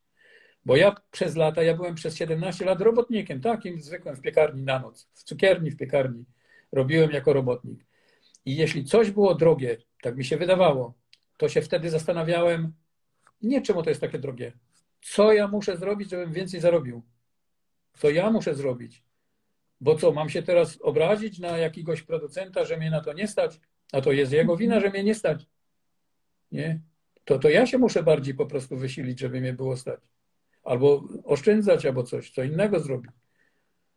Są rzeczy, na które mnie nie było stać, no i trzeba było się jakoś wysilić, żeby wreszcie można to było kupić, bo do domu, tak z tą piwniczką taką, co robiliśmy dużą pod ziemią, żeby przechowywać przetwory. No nie było mnie stać jeszcze trzy lata temu, ale gadam, trzy lata się przygotuję i w czwartym roku zrobię. I zrobiliśmy. No i pewnie, że jakiś tam wydatek, no ale to z czego teraz? Schowam tam całe jedzenie. No, ja mam tak. popakowane próżniowo ziarno w beczkach na jakiś trudny czas, że ja wtedy zmielę to, jak już nikt nie będzie miał, mam ręczne młyny do ziarna i jak już wszyscy zgaszą światło, to ja wtedy zmielę te ziarno i upiekę chleb. Ostatnio przy domu zrobiliśmy chlebową chatę, dwukomorową na piecu, panany drewnem, takie wszystko w drewnie, drewniane dzieże, drewniane naczynia, e, młyny mm, i mogą nam wszystko wyłączyć i tak upiekę wtedy chleb.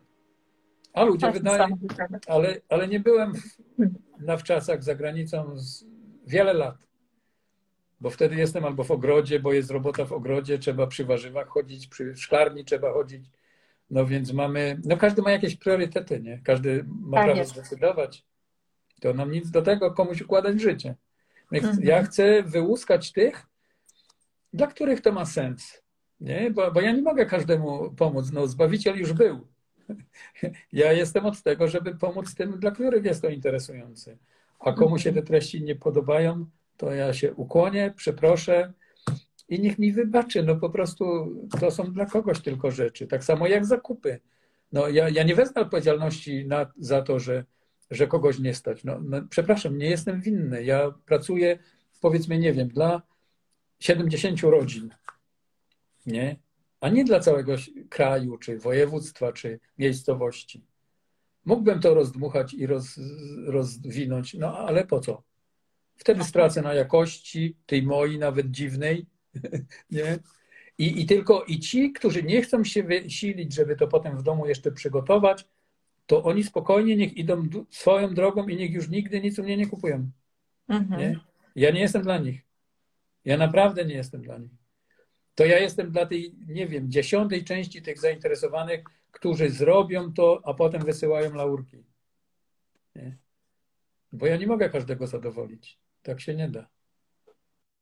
No, fantastyczne podejście do życia, bo jednak wiesz, mamy często taką tendencję do zwalania winy na zewnątrz, do, do szukania winnych dookoła, bo, bo drogo, bo inflacja, bo, bo gaz, bo prąd, tak? A tak jak powiedziałeś, poszukajmy możliwości, czyli jak mogę więcej zarobić. Jeżeli z tej mhm. pracy mi nie wystarcza, to może należy pracę zmienić.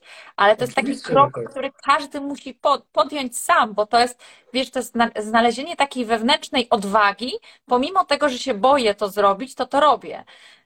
Ja też wielokrotnie w życiu dokonuję takich wyborów, że rzucam wszystko, zaczynam od początku i nikt za mnie tej decyzji nie podejmie. A mhm. ktoś mówi, udało ci się. No tak, widzą, widzą tylko ten koniec, tak. a nie widzą tego wszystkiego, co, co mnie tam zaprowadziło. Nie, no, my, my chcemy służyć tym ludziom, tym, dla których to ma wartość. To tym chcemy służyć. A, a jakby te wielkie biznesy i te wszystkie na YouTubach, te kanały, jak być milionerem w, w dwa lata, a jak zostać rentierem w wieku 30 lat, no to to jest słabe jak ciężko pracować, żeby dostatnio żyła moja rodzina. Na przykład takie treści rozumiem. Jak się bardziej wysilić, żeby więcej zarobić? Jak wybrać właściwe rzeczy? Jak podjąć właściwe decyzje? To jest takie. Ja widzę wartość w pracy rękami. Nie? E, w mojej Biblii jest napisane tak fajnie, że owoc trudu Twoich rąk będziesz spożywał, będziesz szczęśliwy i dobrze Ci się powiedzie. Ja owoc trudu rąk zasuwam, skończymy, muszę jechać przerobić kwas. Nie mam go w lodówce. Także to chcemy owoc trudu rąk, nie owoc trudu naszych kombinacji. Nie, mhm. nie owoc trudu, jak wydymaliśmy kogoś, jak kogoś wykorzystaliśmy, jak ktoś coś. Po co? Nie? My, wartość naszą, jakie są kluczowe cechy naszej osobowości, jakie są nasze główne wartości. Bo wszyscy potem ten biznes mu nie wyszedł, a zapomniał, że on po drodze parę osób wydymał. No to dziwne, żeby mu wyszedł. Nie? Co człowiek sieje, to mhm. będzie zbierał. No, tak. no, i to, no i to takie, ja tam gadam takie dziwne rzeczy u mnie na tych YouTubach. Odsyłam wszystkie osoby, które tutaj pytały i o zakwasy, i o robienie chleba na YouTube do Bogdana Smolorza. Znajdziecie na YouTube, wpiszecie Bogdan Smolorz, na pewno znajdziecie kanał. Mm, padły też pytania, czy masz w planie napisać książkę, żeby można było na podstawie tej książki sobie przygotowywać na przykład chleb w domu. Tak, ale to będzie za pięć lat. Mhm. Dlatego, że wtedy, bo ja już kończę. E, I nie chciałbym wtedy jakby zostawić, muszę dopracować pewne rzeczy, żeby to było powtarzalne dla ludzi. Bo to, co ja robię teraz, ja nie mógłbym kogoś postawić, żeby to zrobił. Nie, bo jest tyle zmiennych i tak często muszę reagować na bieżąco i też jeszcze zrobię źle. Ostatnio robiłem chleby, te, które mi zawsze wychodziły i nie wyszły. Nie? I ile ja to potem musiałem rozkminiać, co zrobiłem nie tak, bo niby wszystko zrobiłem ta, tak samo. To co zrobiłem nie tak, że nie wyszło. Nie? I, I gdyby ktoś miał to teraz zrobić za mnie, pewnie by się to nie udało. Muszę to dopracować, potem jakoś napisać, czy zrobię może jakieś kursy, bo jak ja teraz pójdę na tą emeryturę i mam dostać 1400 zł, no to w życiu za to nie, nie to nawet moje kury nie, nie utrzymam za to. No i, i będę musiał jakieś kursy może zrobić takie na tych YouTubach płatne czy coś. E, Właśnie, a myślałeś o warsztatach pieczenia chleba? Ja robię warsztaty w piekarniach małych, rzemieślniczych. Mhm. Ja jeżdżę kilk, zazwyczaj sześć razy w roku do małej piekarni, gdzie staram się przeprowadzić tego właściciela na piekarstwo organiczne e, i na pozbycie się tych wszystkich mieszanek i miksów i na powrót do tego, jak to miało być, ale też razem z tym, jak ten biznes dalej prowadzić, żeby on był etyczny, taki mhm. uczciwy, taki. No i, i to tam jeżdżę. Tak, to załatwiamy, jakaś tam firma szkoleniowa to załatwia, że to potem im refundują, także te piekarnie nie muszą płacić. No i wtedy jadę tam na dwa, trzy dni i staramy się mhm. coś e, poprawić. No a, ale myślałem o warsztatach takich dla ludzi. Nawet wynająłem pomieszczenia, mam je już gotowe. Tylko kiedy ja bym to miał robić? jak, ja, e, jak ja się cieszę z przebywania z żoną i to jest dla mnie najwartościowy czas. Bo ktoś czasem mnie się pyta, e, no a ile by to kosztowało? Ja gadam, bardzo drogo. Ale czemu bardzo drogo? Gadam, bo to jest czas, który musiałbym zabrać żonie. A to jest najdroższy czas. No Więc tak. Wolę zostać z żoną. No tak, to teraz powiedziałeś coś niesamowitego, bo bardzo często, kiedy y, coś oferujemy w internecie, to pada pytanie, dlaczego tak drogo? E, albo dlaczego nie za darmo? A ten czas, nawet kiedy teraz my razem siedzimy, to jest ten czas, który moglibyśmy spędzić przecież inaczej, a dajemy to ludziom za darmo, bo dzielimy się naszą wiedzą, tak? A kiedyś indziej oferujemy coś, co jest odpłatne i ludzie pytają, dlaczego tak drogo, bo przecież wszystko jest za darmo. Czyli tak. ludziom się wydaje, że każdy powinien być, oddać cały swój czas dla nich, bo im się to należy. No to ja Ci już to powiem, jak to jest, bo, bo też to już u siebie mówiłem, bo to są biorcy. Ktoś właśnie pisze takie rzeczy, o których mówisz i ja wchodzę na jego kanał, a tam pusto. On się niczym nie dzieli on przyszedł brać dla mnie, mi, mhm. dawaj, za darmo.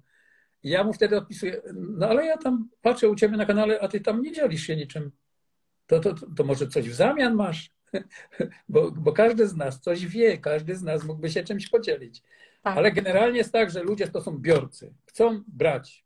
I obrażają się nawet, jak leci reklama na YouTubie, bo tych reklam tyle, ja tu przyszedłem za darmo coś zobaczyć i chcę się nauczyć. I na YouTubie jest taki, e, można wesprzyj, jest taki guzik. Tak, tak jest.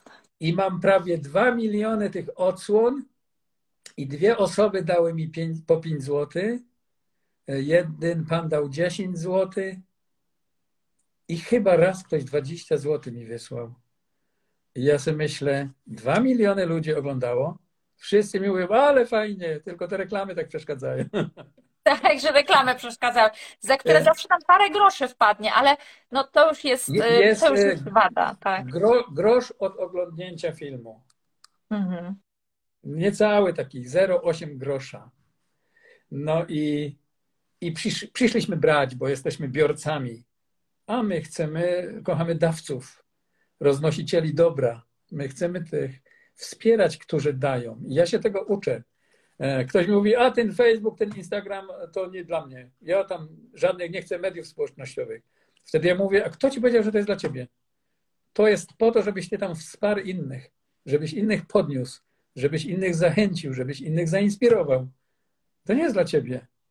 To jest po to, żebyś mógł rozdać coś. Nie? I to tak patrzę na ciebie jak na głupiego.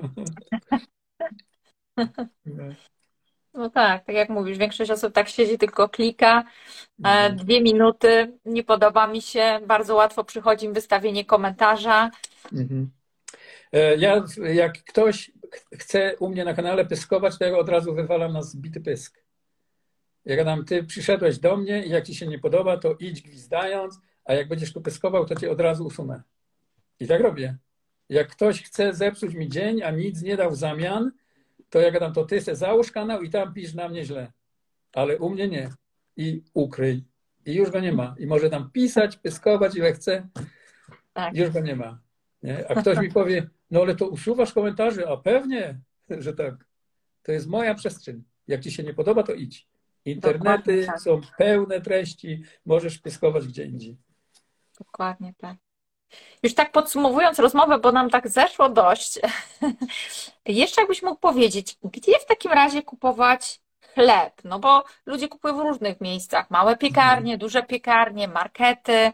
Są na pewno lepsze i gorsze wybory. Załóżmy, że ktoś no, nie kupuje takiego e, super organicznego chleba, to gdzie, żeby to było tak zwane mniejsze zło? Jedną piekarnię mogę powiedzieć koło Poznania. E, jednego bym tu chłopaka piekarza wsparł. Jest taki fajny Damian Nowak. To jest mhm. piekarnia wiejska w Zębowie. Jestem mu bardzo przychylny, bo to jest dobry piekarz, pracowita rodzina i oni robią moim zdaniem najprawdziwsze takie glutenowe żytnie pieczywo w Polsce. Może nie jest jakoś genialnie wygląda, ale oni mają duży piec, opalają go drewnem, on te drewno sam w lesie pozyskuje. Uprawia własne ekologiczne żyto, sam to zbiera, sam to mieli i sam z tego z żoną piecze. W piecu dużym opalanym drewnem. Fenomenalna rodzina. I oni nie umią na tej wsi zaistnieć. E, już go dwa lata namawiałem na te wysyłkowe sprzedaż i teraz to wreszcie zrobili. Damian Nowak fajny chłopak. E, I, I takich ludzi my nie umiemy wspierać, nie? My chcemy wspierać ludzi z powodu przychylności, a nie, że ktoś nam zapłacił za reklamę. My chcemy wspierać kogoś, bo wiemy, że robi wartościowe rzeczy. Co się stało z taką naszą zwyczajną ludzką przychylnością? Mhm. Czemu każdy nam musi zapłacić za przychylność? Nie? I ja potem mam różne odcinki z fajnymi ludźmi na kanale YouTube i ktoś mi tam pisze, a to lokowanie produktu. Ale mi nie zapłacił nikt za nic. Nie? To czemu lokowanie? My lokujemy przychylność, nie produkt. A u nas się przyjęło, że już teraz nie ma nic za darmo, że nikt nie może o kimś dobrze powiedzieć, bo to jest podejrzane, że ktoś Ale o kimś dobrze powiedział. To jest taki paradoks, bo mówisz, że nie ma nic za darmo, a z drugiej strony ludzie oczekują, że jest za darmo i tych treści jest mnóstwo za darmo, czyli oni z jednej strony biorą za darmo, ale jeżeli ktokolwiek cokolwiek tam powie i nawet dostanie za to pieniądze, ale na przykład jest to w zgodzie z nim, to jest zaraz, o Boże, ty masz za to pieniądze, tak, dla ciebie to tylko kasa się liczy, a sam jest taką osobą, która by chciała brać tylko za darmo. My się, nie poddajemy się tym opiniom, nie? Bo to my przed sobą musimy wiedzieć, czy my to robimy Tak. etycznie i zgodnie z tym, z naszymi wartościami. A to, że ktoś tam gada, no niech se gada. Toż to, nie? To mały miś słaby. To, to niech se tam gada, co chce.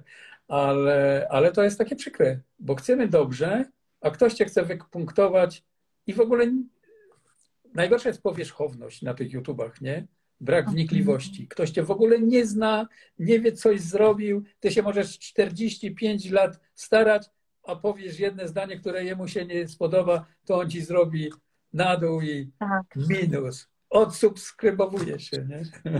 Jeszcze oświadczy to bardzo głośno, żeby wszyscy wiedzieli, że odchodzi. Tak. Dlatego już mnie ci, ja się tego uczę, bo ja nie miałem nigdy nic wspólnego z takim YouTube'owym światem, bo to ja jestem od lipca. Nie, ja pracowałem gdzieś tam w cieniu w piekarni 35 lat, mnie nikt nie znał. Ja po prostu byłem w piekarni przez 35 lat. Ostatnie lata teraz to tak może gdzieś więcej mnie znają, ale nie znałem tych złych zachowań ludzi. To nie był mój świat. Mhm. Nie? Mhm. Ja, ja nie znałem dużych firm, dopiero kiedy teraz jestem przy dużych firmach, widzę, jakie to wszystko jest kiepskie i słabe. Jak tam nie ma, produkt nie ma znaczenia, mają być słupki, mają wyjść wyniki, a coś się tam wsypał do tego mięsa czy do tego chleba, to nie ma żadnego znaczenia. Nie? I to jest No tak. smutne. No. Każdy z nas musi się wysilić, żeby poznać swoich producentów jedzenia w każdej jednej grupie towarowej. I tu nie ma miejsca na powierzchowność. Tu każdy musi się skupić. Tu kupuje sery, tu kupuje to, tu kupuje warzywa, tu kupuje owoce. Mm. Drogie owoce. Jest taka fajna Justynka na Sycylii, wyszła za mąż, mają własne sady. Zebrali w kooperatywie sycylijskich rolników i też oni zawsze mówię z przychylności, aż się boję, bo mi znowu powiedzą, że mi coś dała ta Justynka. I my wszystkie e, cytrusy kupujemy od 7 lat na Sycylii i one są zrywane z, drew, z drzewa, wkładane do pojemnika i w piątym dniu od zerwania z drzewa są u nas w domu. 7 lat. Wszystkie pomarańcze, my nie kupujemy pomarańczy jako pomarańcze, kupujemy nawaliny, moro, taroko, wszystkie odmian, odmianami kupujemy, czy awokado, has, takie, takie. Mogę powiedzieć, jak się nazywają? Oczywiście, powiedz, to E, jest, jest- cenne. In Campania, In Campania, incampagna.pl. I jest po polsku ten sklepik. E, Ona tam już mieszka ileś lat na tej Sycylii i oni tam mają takie wyśmienite smakołyki. I, a u mnie się zaczęło, że ktoś mi jedną pomarańczę dał kiedyś. Ktoś tam z rodziny od niej mówi, zobacz jaki to jest owiek. No przecież to jest niemożliwe, że jeszcze takie owoce gdzieś są. A teraz mam tu w domu może z 30 kilo różnych odmian i dziennie jem ileś tych, tych pomarańcz i są droższe. Jak gadam, no, no są, jak nie chcesz takie, kup w markecie. A ja se kupię takie. Bo, bo nie kupię czegoś innego, ale dobre jedzenie sobie kupię. No. I to wybierajmy, naprawdę wybierajmy. Szukajmy dobrych ludzi, nie obrażajmy się na nich. Jeśli widzimy kogoś, kto jest wartościowy, to go wspierajmy. To go naprawdę wspierajmy, bo często ludzie robiliby dobre rzeczy, ale nie mają żadnego zaplecza wsparcia za sobą. Nie? Nikt nawet tych, jego pracy nie docenia. Może Mhm. ręce, nogi obrobić, nikt na to nie zwróci uwagi. I zobacz, jeszcze chcę 15 zł za taki chleb kilowy, tam ten Damian akurat. Czy tam 10 zł, 12 zł, taki drogi chleb. A oni tam całe życie położyli z tą rodziną w tym lesie, na zbieraniu tych patyków do tego pieca, na tym polu. Niesamowite. No i takich ludzi, ja myślę, mamy pełno, tylko trzeba ich wyłuskać, zebrać. Po to chodzimy na te biobazary, żeby z tymi producentami rozmawiać, co tam na kolanach te warzywa dla nas uprawiał. To my go chcemy wesprzeć. Ja pamiętam, jak kupowałem zboże od takiego starszego pana rolnika i on mi mówi, moim zdaniem niską cenę tego zboża, bo mieliłem sam. A ja gadam, a za tyle to nie chcę. I on tak patrzy na mnie. Ja gadam, bo pan musi za to dostać więcej. To nie może kosztować tak mało. I to ktoś powie, że to takie podejście, w ogóle kto tak teraz robi? Nie, ale my się uczmy tego.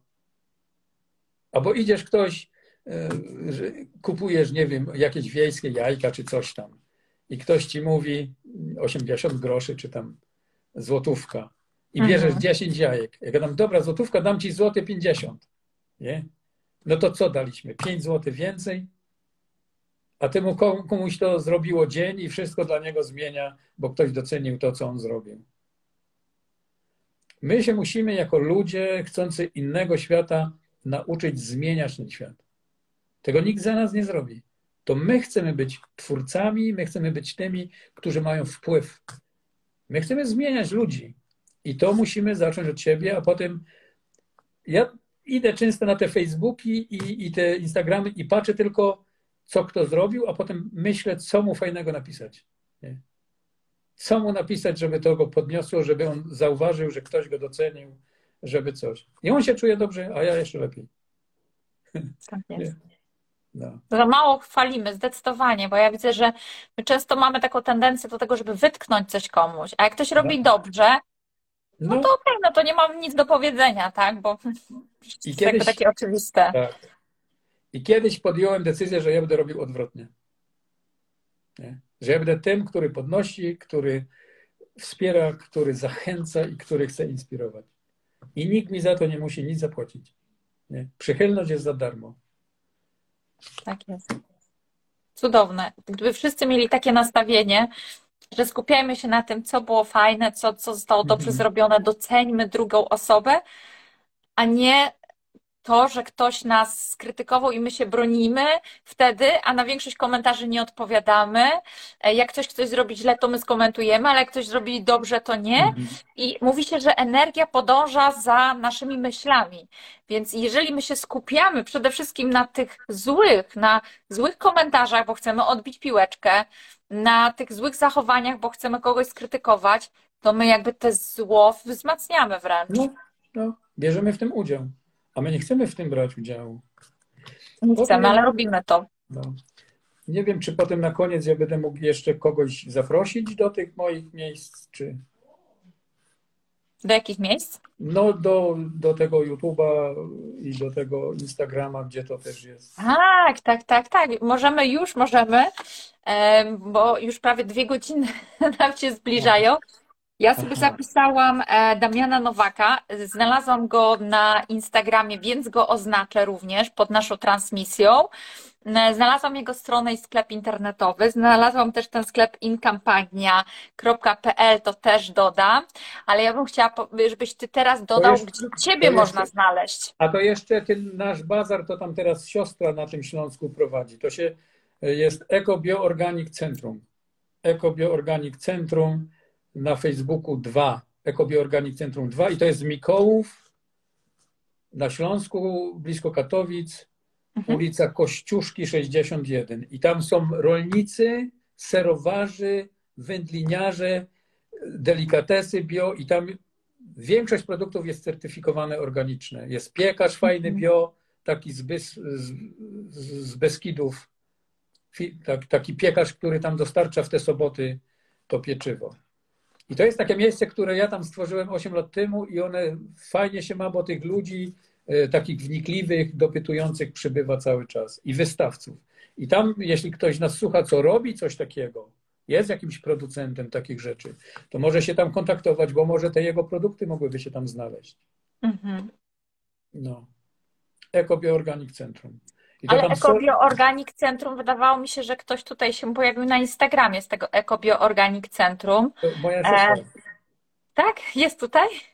E, no pewnie tak, bo mówiła, że będziemy. E, więc, e, więc pewnie, bo ja tu nie widzę, co się dzieje. E, bo no widziałam w komentarzu takie logo. Jeżeli jest e, siostra tak, tak. Bogdana, to prośba, żeby teraz coś napisała. Sonia. Bo, fakty, mhm. bo, faktycznie widzę, widziałam, że to samo logo, które ma EcoBioOrganic e, Centrum. Mhm. No tak. To, to, to na pewno ona. I więc tam E, no to jest takie cenne miejsce, bo tam jest pełno wartościowych wystawców, których możemy zaczepiać, dopytywać, uczyć się od Mhm. nich. E, Tam jest pełno przetworów, kiszonek, jakichś takich rolników, którzy uczą permakultury, no i, i różnych takich rzeczy. Różne tam O, no jest. Siostra, No. cudownie. no i to są takie miejsca, myślę, że w kraju jest sporo takich miejsc, tylko trzeba je wyłuskać, z przychylności o nich opowiedzieć, Mhm. bo musimy mieć dostęp do tego, bo nie ma gdzie tych wnikliwych ludzi odesłać. Nie? No tak. No dobrze, Bogdan, na koniec już, bo już prawie dwie godzinki. E, Koniec. Na koniec, powiedz, gdzie Ciebie można znaleźć?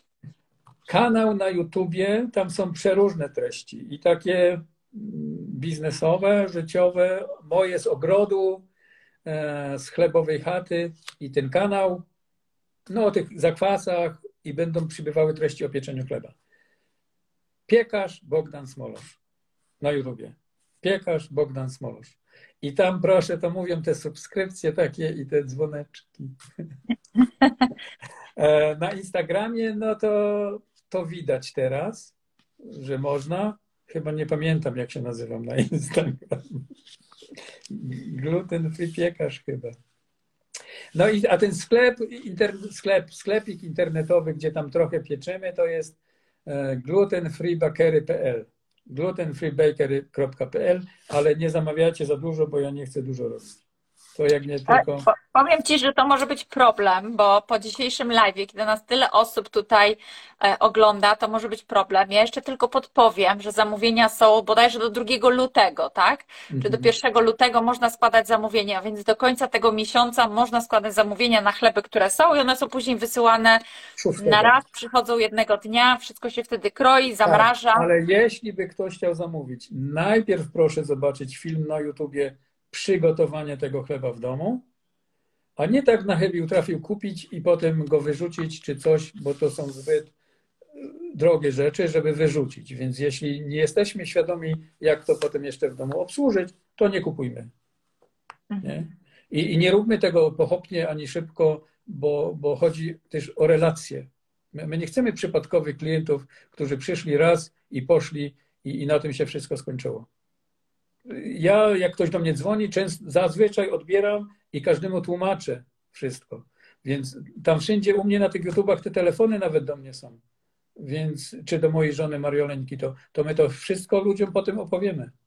Tylko spokojnie, wnikliwie, może się zaprzyjaźnimy na dłużej, bo zależy nam na poznaniu ludzi, którym chcemy służyć, a nie na sprzedaży. Nie? Bo sprzedać byśmy mogli, ale nie, nigdy o to nie chodzi. No i to jest ten YouTube. Na Facebooku też tam pewnie jakoś jestem, ale chyba nie pamiętam jak.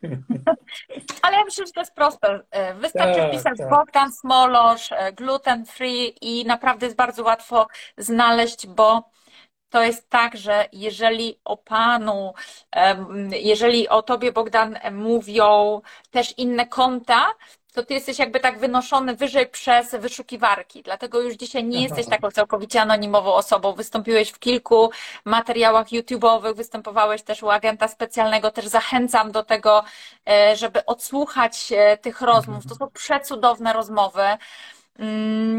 No bo tam też pokazujesz, jakim jesteś człowiekiem. Ja z otwartą buzią słuchałam. Dlatego warto na YouTube, kiedy się wchodzi, w wyszukiwarkę wpisać Bogdan Smolosz i odszukać nie tylko Twój kanał, ale odszukać również wszystkie wywiady, które były z Tobą, ale również jeden widziałam taki z Tobą i z, Mario, z Mariolenką e, również opowiadaliście o swoim małżeństwie. Też cudowny wywiad. Ja po prostu uwielbiam te rozmowy. To było na kanale Korgo Światek. To tacy nasi znajomi Korgo Światek. No, e, wiecie, ja dziękuję za, za Waszą przychylność, za Twój poświęcony mi czas. Ja byłem zaszczycony, jak się dowiedziałem, że możemy wspólnie coś rozmawiać. To dla mnie taki zaszczyt. E, No cieszymy się, bardzo się cieszymy. Moja żona pewnie już patrzy, Mariolenka, też. Jutro wraca sanatorium, to so, bo my to będziemy gdzieś mogli mieć ten materiał jeszcze, żeby to później do YouTube'a dać. Oczywiście, za chwilkę jak skończymy live'a, ja go zapiszę. E, Dodatkowo dodam Ciebie jako ws- współtworzącego e, i Ty później akceptujesz zaproszenie, Mhm. on jest dostępny również u Ciebie. Ten, tego live'a możesz też ściągnąć po linku, e, później Aha. powiem Ci w jaki sposób i umieścić go na przykład na swoim YouTubie, jeżeli będziesz miał ochotę. Także on Bardzo będzie też dobrze. dostępny do szerszego grona osób. Super. Bardzo dziękuję. Państwu bardzo dziękuję. Tyle czasu tu było z nami, tyle osób. Tak, i, i widzę, że cały czas mamy ponad 300 osób, e, cały czas na żywo są z nami. To jest niesamowite, bo przecież to są dwie godziny. E, Naprawdę trzeba mieć e, no, Tak. dużo cierpliwości. Moja żona się tam pokazała też, Mari Mariolka. No Tak? fajnie, tak. Dwa Aha, jest. Mariola. No, Super, pozdrawiam. no Iwonko, fajnie. Bardzo jestem wdzięczny. Może się coś komuś przyda z tych treści. Jestem przekonana, że nie raz jeszcze zostanie to odsłuchane. Dziękuję Ci bardzo. Jestem wdzięczna za tą dzisiejszą rozmowę i za to, że się zgodziłeś. Ja też zastanawiałam się, czy przyjmiesz moje zaproszenie do tego live'a, także też również bardzo się ucieszyłam. Niesamowite treści, myślę, ogromna wartość dzisiaj dla, dla wszystkich osób, które nas słuchały i dla tych, które będą nas Mhm. słuchały. Kłaniam się wszystkim Państwu. Dziękuję. Dziękuję.